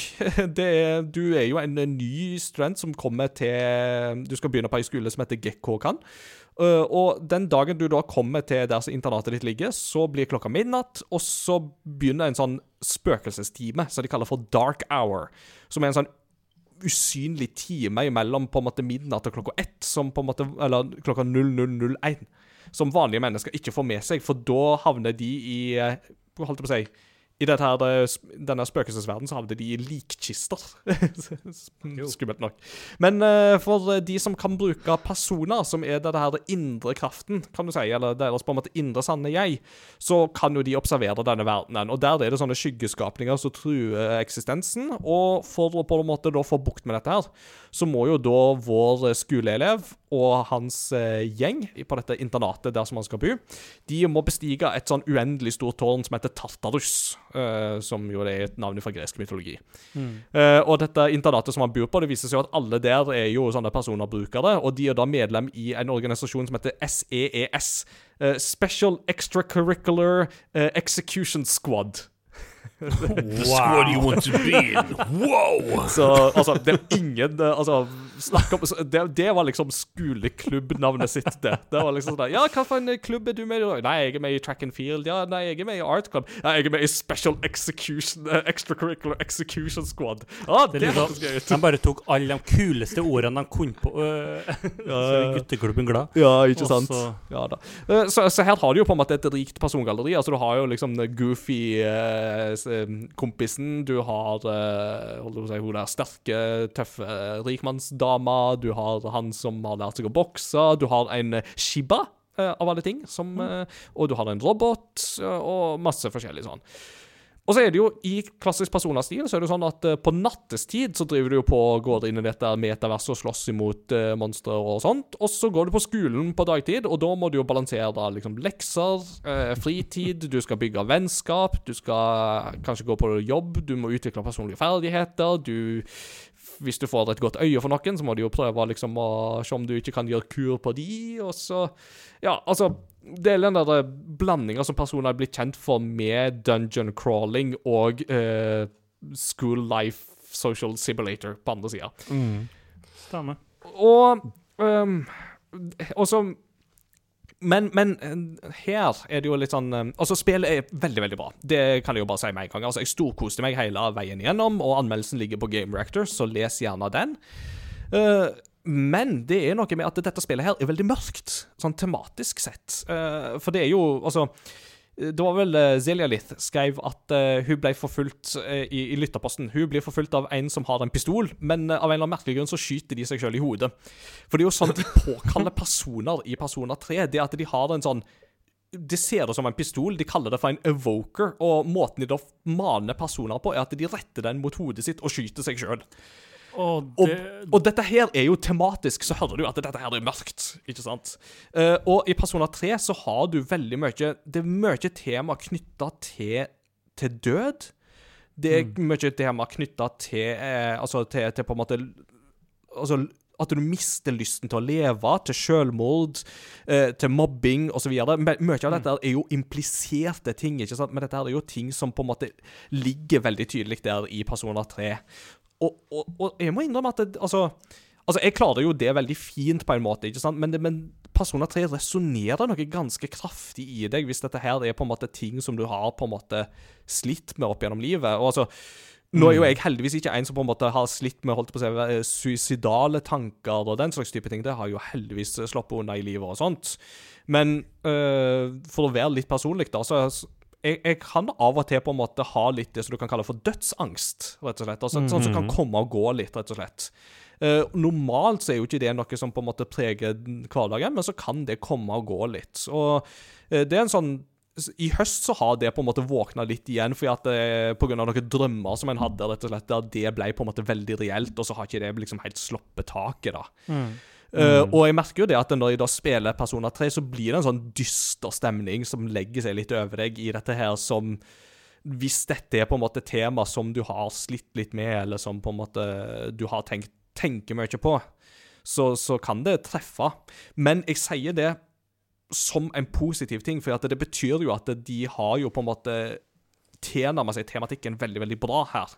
Fordi de faktisk klarer å resonnere med noe i deg. Det er litt sånn som vi snakket om med Final Fantasy 7, om at uh, det savnet man kan kjenne på et uh, rollefigurer, er jo òg et savn du kan kjenne på som fordi du kan kjenne på savn i det virkelige liv.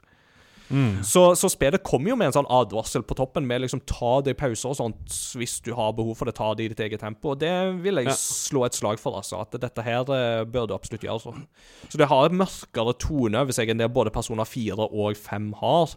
Men vel, vel verd å spille. Uh, kjempegøy uh, hvis du liker den formelen, og det ser bra ut. Altså Teknisk sett så flyter det helt strålende på PlayStation 5, altså. Mm.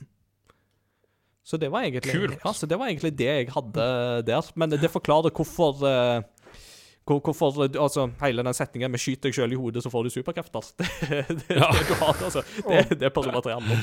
Det må frike, Ja. ut, frike deg ut så sykt når du ser det første gangen, Ja, og ikke altså, har hørt om det ennå. ja, altså fruen, fruen likte jo ikke helt dette her, for å si det sånn. Det, hun syntes det ble litt sånn mye. Uh, og, det, og det skjønner jeg jo veldig godt. Jo, men Klarer eh, ikke den. Nei.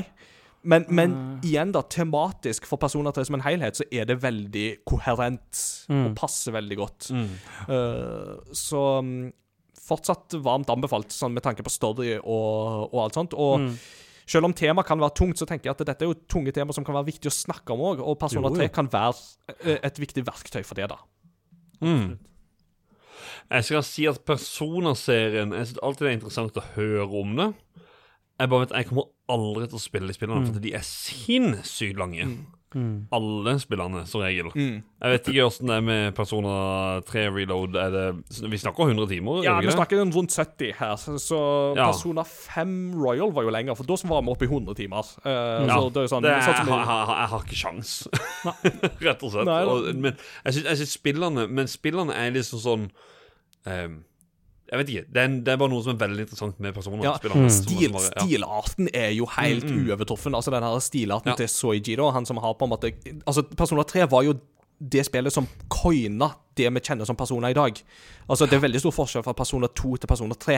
Eh, Og dette er jo spillet som virkelig på en måte brakte den stilen til live, og jeg syns absolutt at uh, Reload gjør den verdighet, da, med å gi liksom the bells and whistles som et PlayStation 5-spill kan gi.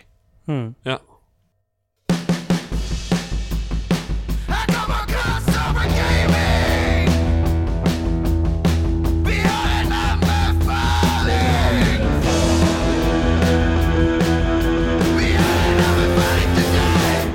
Fra det litt eh, tematisk tunge Persona 3, så skal vi til en eh, forhåpentligvis litt lettere anbefaling. Og da har vi overlatt det til gjesten å få lov å anbefale noe i dag. Så Håkon, hva vil du anbefale til lytterne våre?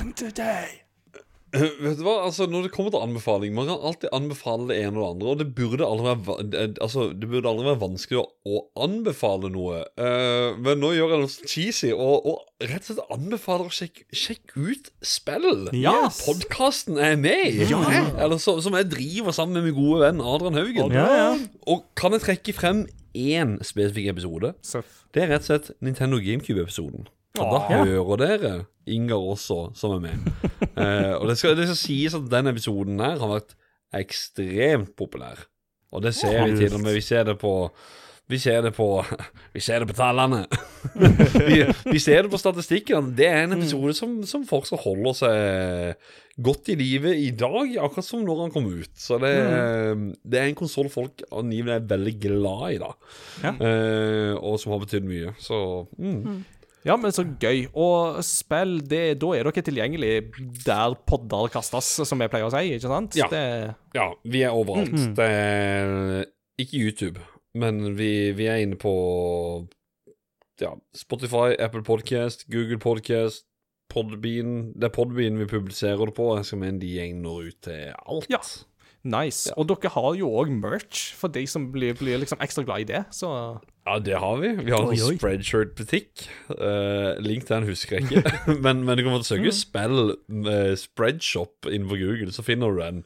Uh, eller, eller egentlig, du kan sjekke ut en episode, en, nesten hvilken som helst episode, så kan du se i episodebeskrivelsen med alt vi driver med der, da. Altså Discord-community og Facebook-community.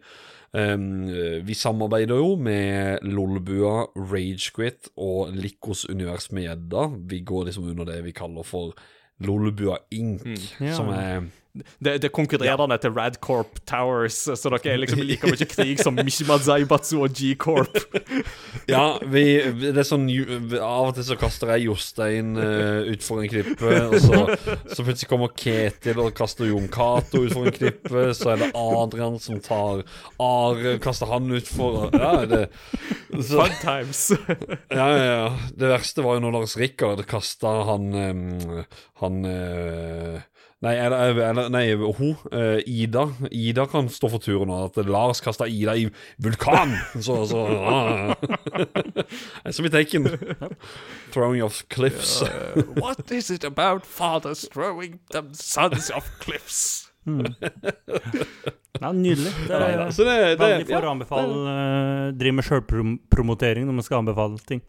Så det er strålende. Det slår meg et slag for Ja, ja, ja. her. Jantebo janteloven kan ta seg en bolle.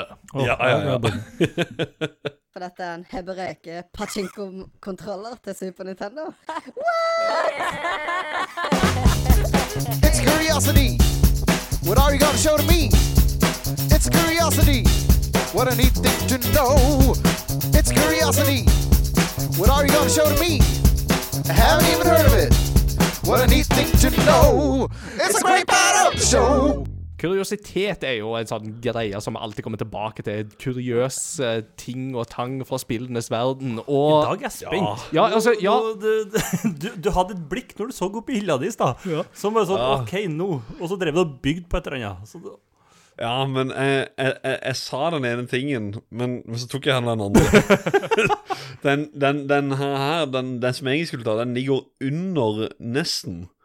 I, eh, som, som eh, ligger i boks og sånt. Det er jeg som styrer og driver og flytter rundt på dem. For jeg har oppå et sånt uh, World of Nintendo-kabinett som jeg mekka sjøl, med belysning og sånt inni. Så oppå der så har jeg da liksom litt sånn forskjellige eh, han um, NES Zepperen, Ness Advantage, Ness Satellite, uh, Ness Controllers Alt det der liksom komplett i eske som utstilling. Og, og under der så var det jo altså da Family Fun Fitness, som jeg skulle ta frem, som er den derre dansematta. Ja, ja, ja. ja, ja, ja. Ja, eller, eller, eller løpematta, eller altså det som vi kjenner i dag, som er dansematte. Men, men så For å komme til den, så må jeg jo egentlig jeg løfte en annen eske, og, og den Den setter jeg viser dere på kamera først. da Jeg vet ikke hvor podkast-vennene dere her blir, men eh, He bends down to pick up Ja. uh, an item. Ooh. ja, den heter da The Menacer til Sega Megadrive. Og det er altså da Nesten fikk Zapperen. Nesten fikk Superscope. Sega fikk The Menacer. Og han holder Og ikke Er det med en Ja. kikkert på toppen der? Med, det, Ja, med to? Så da, bare, for å bare for å beskrive dette for lytterne Dette er da en eh, grå Det ser ut som en sånn der lyspistol, sånn der eh, lasertag-pistol, med da ikke bare ett siktekikkert eh, på toppen, men to, så du Ja. kan se med Ja, begge Det er en øynene. kikkert. Men se her. Så kan du Men så kan du flikke Ta av den. ene. Kan du ta den. Oh. Og så kan du jo ta den. Ja, så ta nå, nå snakker vi ta den. Nå er nerf, det er jo nerfgun her. Ja. Ja, så altså Du kan, du kan modifisere dette våpenet til å så bli um, Bli det du måtte ønske. ja. av, av- av de forskjellige grader det kan i. Så hør på lyden. Og hør på den lyden. Nice. Og hør på denne lyden. Ja. Plastikklyder.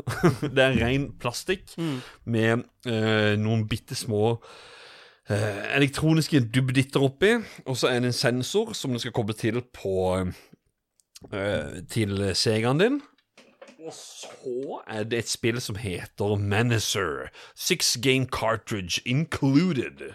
Da har du spill som Pest Control, du har Ready Aim Tomatoes, du har Space Station Defender, du har Whackball, du har Frontline og Rockman Zone. Um, og Rockman vil jeg, jeg vil egentlig tro at mange tenker da Megaman. Det er på ingen måte det. Det her, er bildet av et hus hvor det vil titte frem en bad guy, eh, en good guy, og så hvis du skyter good guyen, så taper du. Uh, Du skal skyte bad guyen, og så heter Rockman Zone. så train to be a G-man and pick out the bad guy before they pick, out, uh, pick you out. OK. Dere er så kreative. Ja, ja, ja. Jeg, jeg likte mer den der Ready Aim Tomato. Den, Ja, det eh, synes jeg det Ja, skal vi Ja, se det hva det står her, da. På den så står det Oi! Du, for jeg har jo ikke spilt dette her. Det er jo bare sånn Jeg er jo, jeg er jo en samler. Mm. Um, jeg antar Mats har sikkert uh, gjort sånn her før. Ja, jeg har det. Jeg har aldri prøvd det. Eh, Mats Jakob, jeg, jeg, jeg er proff i den der øvelsen der, skal jeg si deg. ja, Uh, altså her uh, Noen, noen Sega-fans kan bli litt glad nå. Ready aim tomatoes. B. Toe jam and lob tomatoes at wacky enemies while Earl keeps score. Så toe jam and Earl. Faktisk. Ja. Ja. Det var jeg ikke klar over. Nei. Nei, Det er en ukjent uh, Toe Jam det and ble en kuriositet for deg òg. Ja, kuriositet i kuriositeten. Det er altså Så dere som samler på Toe Jam and Earl, dere må rett og slett skaffe dere en Sega Manager. Det Med bazooka og det hele. Altså Hvis du kan altså, gjøre altså- oss en tjeneste, ta gjerne en printscreen når du ser med kikkerten rett inn i kameraet, og legge ut på discorden. Med, Ja. For det, det så utru... Det, det så magisk ut. Ja, ja, ja, jeg, jeg, jeg holdt på å si det Hvis, hvis dere vil sjøl også, så er det bare, det er bare å ta bilde nå med i gang her òg. Altså, Skal, vi, skal vi ha gang på det? Ja, men det var helt nydelig. Vi får ja. spare bildetakinga til vi er ferdige med episoden, tror jeg. Men uh, dette her ser jo da nydelig ut. Det er, det er, det er, det er faktisk det er, det akkurat sånn det høres ut. Det er faktisk det er veldig gøy. Jeg, jeg tok et bilde av det sjøl en gang. Jeg bare Jøss, så dum du ser ut, Håkon. Jøss, så dum du ser ut. Men Nå ser det ut som The G-Man. Rett og slett. I am the G-man. Yeah. In Persona 3 Reloaded. Ja, skyt deg sjøl i hodet med den, så får jeg ikke superkrefter. Det kan jeg love deg. Uh, nei da. Ja, nei, så det er gøy. Det er gøy. Fabelaktig fabelaktig kuriositet der, altså. Dette er på nivå med Hebereke Pachinko-kontroller til Super Nintendo, må vi si. Wow. Ja, altså bare, kan jeg bare tilføye en ting? Det at det, jeg ser ikke noe batteritilkobling, og den er trådløs, så jeg, jeg, jeg skjønner hvordan den fungerer.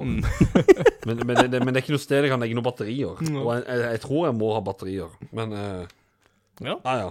Det er gøy, er det. Vi fi- finner sikkert ut av det. Ja. En dag. En dag.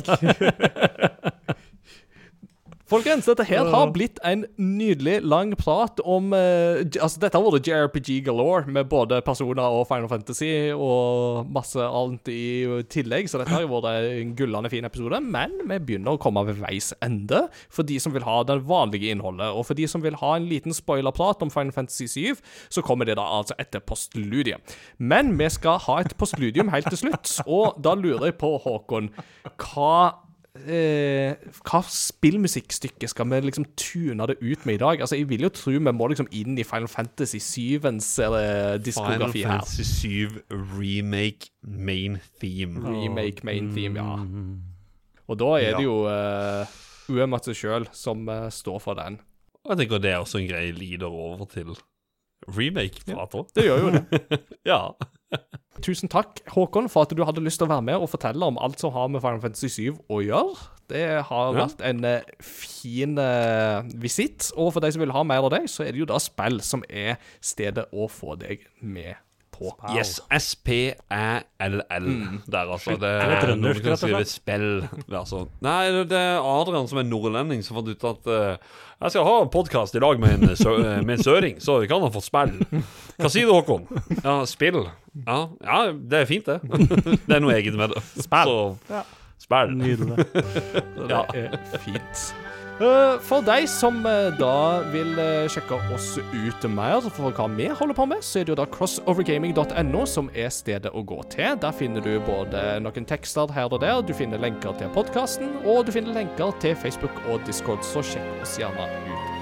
Vi er tilbake om et par ukers tid, så da sier vi at vi snakkes ved neste korsvei. Ha det bra! Ha det.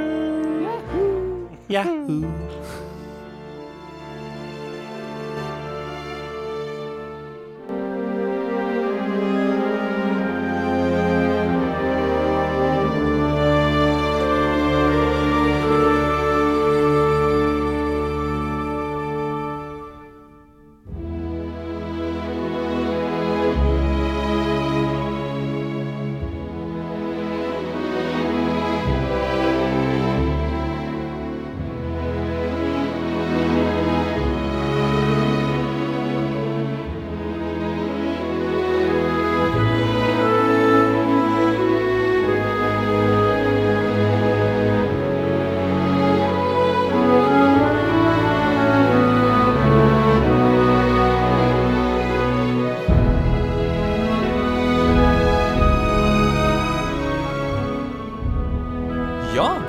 sitter og hører på oss nå, så betyr det at du er klar for en liten spoilerprat knytta til Final Fantasy 7 Remake. Og litt av grunnen til at jeg vil ha dette her på slutten, er jo da at ja, La oss si det mm, kort og godt. Final Fantasy 7 Remake er jo ikke en én-til-én-remake av det originale Final Fantasy 7. Tvert imot så er det jo sånn at de, de gjør jo noen endringer i historien. Mm. og det er jo veldig mye som tyder på at de endringene vil jo bli enda større i Rebirth. Uh, og dette her er jo veldig mye knytta til disse skyggeskapningene som vi jo ser i Rebirth-spelet. Uh, som jo blir tolka som Altså, du kan tolke det som en skjebne, eller du kan tolke det som uh, alternative varianter fra andre tidslinjer. Og så er det jo noe greier med at det virker jo nærmest som at folk husker ting de ikke burde huske i både Rebirth, eh, eller i remake og antyda i traileren til Rebirth. Så Håkon, her må vi liksom diskutere litt. Er dette bra eller dårlig? Jeg synes det er veldig bra. For det, det, det var jo litt som Altså, det var så vanskelig å snakke om dette her tidligere, for å ikke spoile at det liksom Ja, ja jeg- skal jo bare spoile for fullt. Ja, ja, nå er det full fri prat. Nå er det full Ok, det at Erith eh, dør, for eksempel det, det, det at eh, Altså, nå kan du ikke altså, Du kan jo ikke si det lenger. Det er jo det som er så ille. Og, og jeg, men samtidig jeg setter veldig pris på det, at, at, ikke, at ikke folk kan bare si det helt fritt. At ja, Erith, hun, hun dør. Bare, Hæ? Gjør hun det? Å å ja, å ja, stemmer det. Kanskje personen ikke har spilt originalen. men ehm, og det var jo liksom jeg sa at jeg syns det er litt naivt av folk å si at ja, jeg vil ha originalen i eh, Jeg vil ha originale Final Fantasy i helt ny drakt. Bare, nei. La de få lov til å leke og kose seg, for det her, her er det De har ønska å gjøre dette her i mange år. De sa at eh, nå er vi gamle. Hvis ikke vi gjør det nå, så skjer det aldri. For da er vi for gamle, rett og slett. Eh, og de tar seg den friheten til å bygge et nytt univers, jeg syns det er helt genialt, fordi um, det setter så sinnssykt mye spørsmål. Uh, kan man egentlig si altså Rebirth not til denne innspillinga? Jeg har gått helt i surr. Jeg tror jeg sa tidligere i episoden tror jeg sa eh, det vi fikk for noen dager siden, eller i forgårs eller noe, men det var jo egentlig natt til i dag, fordi jeg gikk og la meg, jeg sto opp og så den der eller denne sendinga, og så gikk jeg og la meg igjen. Så jeg har vært litt sånn døgnvillig, da. og da er det jo um, uh, Da er det jo det store spørsmålet, uh, som også er med, med quoten The world will be saved, but will you? Og da er det sånn at de spiller på Oi, Erith, Kommer hun til å bli redda eller ikke? Fordi at hun eh, Nå bare jumper jeg litt lenger ut i historien, og at eh, hun må dø for at eh, verden skal bli redda. Så hun, er nødt til å dø. Det er liksom It's simple as that. Det, det, det, er ikke noe, det er ikke noe annen vei. Tror vi, da. Men så er det jo det at de har gjort disse endringene hele tida gjennom remake og alt, at det klarer liksom å sette spørsmål på et spill som kom ut for eh, ja, snart 30 år siden. Og så står du med spørsmål og klør deg sjøl i hodet. Eh, dør hun eller ikke? Jeg, jeg syns det er helt rått at de tar seg de her frihetene til å leke seg med det. Legge inn litt nye ting. Ehm, twist and turns, som du sier, da, at de eh, husker til Eller at de, de får flashback til Eller de ser egentlig fremtida. Det, er- det er heller det, da. Ehm, ja. eh, Ja. Det bare fint, det. Ja, det, jeg syns jo det er interessant å få dine perspektiv på dette, for jeg er jo av de som er mer negative. I, altså, jeg, jeg var jo mer negativ etter remake, fordi Og det handler jo mest om at de kalte det en remake. Eh, fordi Ja. på- Sånn som jeg ser det, da, så er det jo litt sånn at en remake skal jo i utgangspunktet ikke erstatte originalen. Eh, det vil han ikke. Men en remake skal være en god mulighet for et nytt publikum å få oppleve noe av den samme følelsen som originalen ga i sin tid. Ja. Og litt av problemet mitt med remake og de endringene som de gjør, er at historien i remake vil egentlig først gir deg på en måte mest impact. Altså, den får på en måte mest tyngde hvis du kan Final Fantasy 7-Lauren veldig godt. Ja. uh, og da mister det litt av den funksjonen som en remake skal ha, nemlig det å introdusere dette for et nytt publikum. For da kan de bli litt sånn gående, særlig mot slutten der, når du har alle, med, altså, den der tornadoen av disse her eh, skyggeskapningene og whatnot. Eh, så, så, så blir jo det liksom voldsomt. Og, og dette her med at de smører jo veldig tjukt på med Sephiroth i, i remake, og det er jo kanskje ikke så rart, for Sephiroth er jo en veldig populær figur, men det, det blir liksom litt sånn i det meste laget, på en måte, da. Uh, så, så jeg tror jo at jeg hadde hatt mye mindre problemer med dette hvis dette var Altså, på en måte så er en jo glad for at en ikke visste det fra før, men samtidig så er det noe med at når du har kalt det en remake, så syns jeg at det blir litt misvisende markedsføring. Eh, På alle mulige måter. Altså, de har jo gjort en brøler. Jeg vil jo heller sagt at det, sånn som de presenterte spillene, så var det jo at det, liksom Final Fantasy 7-logoen kommer opp, og så er det bare sånn her Altså, hæ, får vi en film eller noe? Og så bare boom, kommer det opp remake. Og det, det er veldig mange spill som gjerne kan gjøre sånn at de viser noe, og så er det liksom uh, Det er remake, men det er ikke undertittel på spillet. Uh, så de kunne veldig gjerne hatt en uh, Jeg vet ikke. Rework, re reorder eh, Rebirth. Eh, altså, Ja, ja, ja, for egentlig- egentlig, Rebirth, ikke sant? Ja, ja, faktisk. Fordi altså, remake som tittel er litt uh, Han er så totalt misvisende. At, at det, det, det, det, er jo uh, på en helt annen planet, egentlig, når du finner ut at Å, det, det er liksom Det her, her er egentlig en, en sequel til det første spillet. Eh, som er en, rem det, er en, det er en remake i en sequel som er styrt av Sephiroth. Fordi at han er med fra starten. Uh, egentlig hele den biten som du er i Midgard, du ser han ikke i originalen. Og han er ikke der utenom at det, uh, det sverdet som ligger over sjefen, eller president Shinra, det drar Cloud litt kjensel på. At eh, det var et langt sverd. Og så Det er det, på en måte. Nei, det, du setter veldig godt ordene på det. Og altså, jeg tenkte jo da, da jeg hadde spilt det og anmeldt det da det kom ut for snart fire år siden, og tenker at det er så lenge siden, så var det jo, er var det jo bare det er sånn helt galt. Altså, hadde Altså det, det, dette er ikke en remake i den forstand, det er en reimagining Mm. av Final Fantasy 7. Ja, ja det, det, det er også faktisk. Eh, Og, og, og litt av dette her legger jeg jo litt på Tetsuya Nomura sine skuldre òg, for at Tetsuya Nomura har Kingdom Hearts-pappa har jo en tendens Ja. til å skrive veldig sånne convoluted uh, storyer som ikke gir så veldig mye mening, og det gjør jo at jeg er jo litt bekymra for Rebirth. At det, det er sånn Dette kan bli bra, men det må ikke bli for Nomura. For Ja, da nei, begynner man å gå ned et spor jeg ikke har lyst til å gå. Ja, men det vet du hva Det er jeg sikker på at det blir. ja. Uh, nå har ikke jeg spilt spilte for mye Kingdom Hearts og satte meg ned i storyen, annet enn at jeg liksom spilte et par sånne chapters her og der. så Vi har jo en kjempegod episode som tar deg gjennom Kingdom Hearts-Lauren med eh, Jon Edvard Genius. eh, Så hvis du går litt tilbake i vår eh, kartotek, så har du en egen episode der han prøver å forklare Kingdom Hearts. det kan jeg Peter gjøre. satt som et stort Ja. spørsmålstegn. Stakkar. Jeg føler på at han har fått kjørt seg gjennom denne episoden her, også med Final Fantasy 18. Dette var en av de, det var vel en av de første episodene vi hadde med Peter som programleder, tror jeg. Så da satt han iallfall som spørsmålstegn. Åh, nei, det var bare litt gøy når du sa det. Det var nesten fire år siden. For jeg skrev at uh, i dag så la jeg ut en, eh, en video av menyen til eh, Final Fantasy 7 Rebirth, Playable Demo. Så da skriver jeg at det er nesten fire år siden demo til remake kom ut, og nå sitter vi med demo til Rebirth. Dette er så mye mer enn bare en demo. Hjerte. Og det, det, er- det er det, er det, synes jeg. Eh, men uh, en annen ting Jeg er nødt til å si det, det apropos OG-fans. Altså hvis du, hvis du er veldig glad i originalen, og du vil ha det som originalen, vet du hva du er? Nei. Du er en whisper. Fordi at det er det jeg har sittet de her whispererne som. At det er OG-fans som vil ha det originale.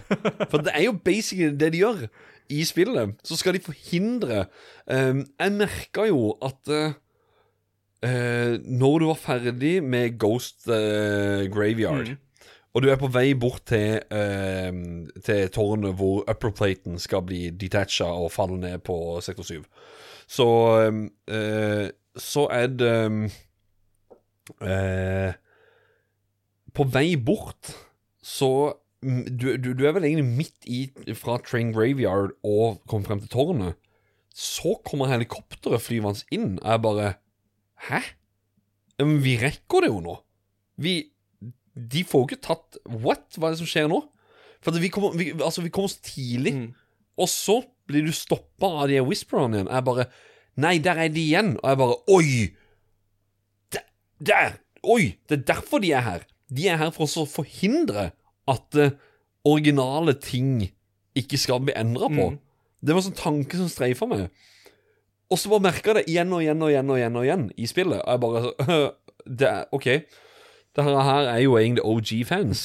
Og så var det litt sånn Reddit-tråder og diverse som jeg så, og så er jeg sikkert blitt litt uh, lest opp av det også. Uh, jeg husker ikke nøyaktig rekkefølgen på det, men jeg husker bare når, når jeg så det, så skjønte jeg bare at det, her er det noe mye mer til de skapningene. De vet hva som er på vei eller hva som skal skje, eh, og de prøver å forhindre eh, at du gjør endring. Så ja. En interessant take. Det Mm. Ja. Jeg, jeg, jeg skal ikke krangle på den, altså. Det, jeg syns jo det er en eh, artig vri på det. Um, ja. Og det er jo dette her det greiene med Altså, det er jo den tanken om at de er på en måte en slags skjebneskapninger som på en måte skal styre skjebnen i en bestemt kurs. Og så er det jo dette her med at når de da har på en måte brutt den skjebnen, hva skjer nå? Og det er jo sånn som blir veldig lagt opp til på slutten òg, med Det er jo antydninger som antyder at Zack fortsatt er i live, eksempel. Og det er jo en sånn ting som Ja. jo definitivt vil kaste en stor skiftenøkkel i eh, maskineriet. Fordi at uh, Ja, fordi- hele Cloud sin eksistens som Cloud er jo litt betinga av det sjokket han går igjennom i slutten av Crisis Core med Zack sin død, kombinert med sin Ja, egen makroforgiftning. Så Nei du, du, du, nei, du har ikke spilt demo, så vi, kan, vi, vi skal ikke snakke noe demo. det det, jeg, jeg, jeg, har- prøvd i den siste uka, egentlig, eh, å på en måte se og skjønne og begripe hvorfor er Sekk i live, hvorfor er han her? Og eh, konklusjonen min er at eh, eh, Zack er i live, eh, men han er i en annen såkalt timeline. At det, du har eh, Du har eh, den vanlige, som, som Cloud og de lever i, og så har du at man er død. Eh, men så her er det noe som er blitt brutt opp av at de har ødelagt The Harbor of Faith, altså skjebnen. De har brutt skjebnen. Nå kan alt mulig rart skje. Når da det skjedde, det skjedde når han var på vei til å dø. Um, fordi at uh, pl uh, Plotcoasterne, eller de her Whispersene, de var der jo når han eh, Sånn i den Crisis Core-scenen, den som er helt på slutten av spillet. De var der òg. De svevde rundt og alt sammen og skal prevente at det liksom at, at en endring skjer. Eh, men så blir da uh, skjebnen brutt. Og jeg tror uh, Fordi når de forlater Midgard, og han entrer Midgard, så går han med Cloud, som er bevisstløs på skuldra. Mm. Og du merker åpenbart at uh, Zack og Erith merker at de passerer hverandre. Ja. Det, det, det, det er sånn der, altså, Da hadde ikke Zack løfta det smilet ved altså gå akkurat forbi henne. At du har liksom eh, to verdener som kolliderer på et øyeblikk. Bare at de, de i skjebner eller i spirits går forbi hverandre. Eh, så har du sett på noen av trailerne nå, og da ser du eh, Først og fremst har du sett Cloud. Han blir båret rundt på. Og så har du det andre klippet hvor eh, Cloud sitter i en rullestol bak han på rommet til Marlene. Mm. Og der ligger Erith i senga. Eh, I samme klippet så sier eh, Marlene at eh, When she wakes up, a scary man is going to kill her. Her men, tror jeg fortsatt at hun mener Sephiroth. Og Sephiroth har jo eh, Altså, han har jo eh, i, Altså, han, han, han er der han vil, når han vil, Mm. hvor han vil. He, hele tida. Han, han har alltid vært det gjennom he, hele remake. For at han skal egentlig ikke være der i utgangspunktet. Så han er der jo når enn søren han vil, og han vet fremtida. For han sier til Cloud um, i slutten av spillet, når Cloud gjør en omnislash på han Så han, han blokker hvert eneste move. Og det er jo egentlig final move hvor han tar livet av Sephiroth. Og når han da blokker og blokker og blokker, siste blokken, så sier han 'not yet'. Mm. Altså, ikke nå. Og jeg bare Han skjønte det. Han visste dette her er Omnislash du egentlig kommer med nå. Og han vet at eh, det er det er døra, men det er ikke nå. Det er altfor tidlig. Eh, dermed så tror jeg, siden han vet til og med bare om det, så vet han om tidligere events. Dermed, eh, når hun dør eh, Altså, når Erith da dør noe jeg fortsatt tror at hun gjøre. De bare teaser rundt på den der will, The world will be saved, but, but will you? Eh, Så tror han fortsatt at hun dør, men da våkner hun i den timelinen med sekk. Fordi at da går hun liksom videre til Afterlife. For at hun har jo vært død, men hun har jo kommunisert med å summone Holy og alt i slutten av spillet. Så hun har jo på en måte levd videre i livestream. Så jeg tror at hun våkner der, og der skal Sephiroth komme igjen for å drepe henne på nytt, for at hun ikke skal kunne summone Holy. Jeg synes Det er dustete tanke, men jeg tror det kan være sånn. Dette her eh, jeg, jeg kommer ikke til å altså, Dette her skal jeg ikke diskutere engang. Altså, dette synes jeg er utrolig fascinerende tanke å sitte og høre på. Og igjen, da, dette er på en måte styrken med at de har på en måte tatt de frihetene de har gjort i remake og alt sånt, som jo igjen bare blir ødelagt ved at eh, men, men det er ikke en remake, eller, eller, eller det, Ja, det, det, det Stakkars, stakkars nykommeren som skal komme og prøve å sette seg inn i alt dette her. Ikke sant? For igjen så er dette betinget av at vi, vi kan Final Fantasy 7-law så godt at dette her er spekulasjoner som er veldig gøy å sitte og leke med for oss. Ja. For en som aldri har rørt Final Fantasy 7 før, så vil jo dette bare være sånn What? Ja, ja, ja, ja, absolutt. Men jeg mener jo det at Og det er jo det jeg mener er så sinnssykt bra med dette spillet her òg. Og det no, noen folk sier jo det at eh, Ja, men Håkon, altså du, du praiser dette spillet her som at det liksom er verdens beste spill. Og jeg er ikke, jeg er ikke redd for å si at eh, Ja, men helt ærlig, for meg så er det faktisk verdens beste spill. Fordi at det, det har en sånn derre den, den fanskaren Det er en sim... Altså, det er en enkel historie om Cloud i Avalanche. De skal mot Shinra. Du får høre litt mer om backstoryen til Cloud, og det viser at oi, det er mer til det. Uh, og Sephiroth og, og egentlig hele, hele verden som åpner seg etter hvert. At det er uh, det er, det er så mye mer til det, da. Og at når folk klarer å diskutere en remake med teorier og sånt Altså Really? det, det, det er ganske sykt. Ja. Og her er nå, og, og det, når vi begynner å snakke om alternate timelines og multivers og uh, parallelle skjebner og den slags type ting, så er det jo på en måte på et veldig høyt metaplan som er veldig spennende, men som samtidig Ja. kan være veldig uh, forvirrende å henge med på. Og jeg håper jo bare at uh, Nomuda og kompani klarer å henge sjøl med på dette her, for det er jo det som er på en måte utfordringa i det, at de må ikke lage noe som roter seg ut i et eller annet uh, merkelig landskap. Nei. Så det er jo det jeg frykter mest med Rebirth, er jo det at jeg tror de kan gjøre noe veldig gøy med dette her, men de må på en måte Mm.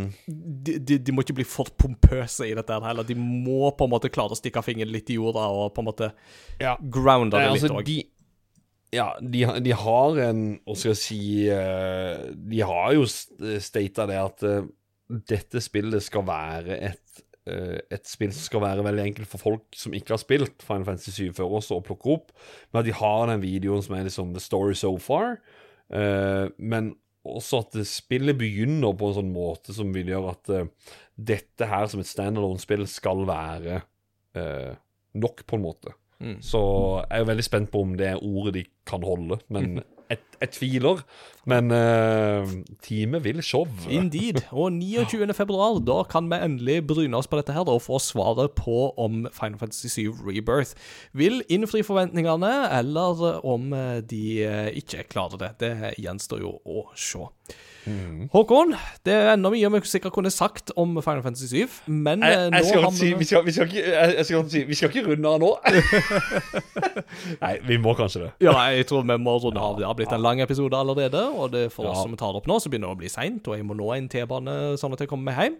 Så til dere som har lytta på nå òg, så funka dette her med å ha en sånn liten spoilerprat på slutten. Gi oss gjerne en tilbakemelding eh, i våre sosiale mediekanaler. Ta kontakt. Discord, Facebook, Messenger, dere e-post. Dere vet hvor dere finner oss. crossovergaming.no, altså. Men igjen, Håkon, tusen hjertelig takk for at du var med på denne praten her. Jeg trenger noen som kan på en måte løfte remake litt opp når jeg blir litt negativ, og så må jeg liksom prøve å dra holdt jeg på å si, folk litt ned av og til. og bare sånn, ja, ja, men, men, men husk at det har sine svakheter òg, ikke sant? Så, Ja, ja, ja. så litt inn og litt igjen der, altså.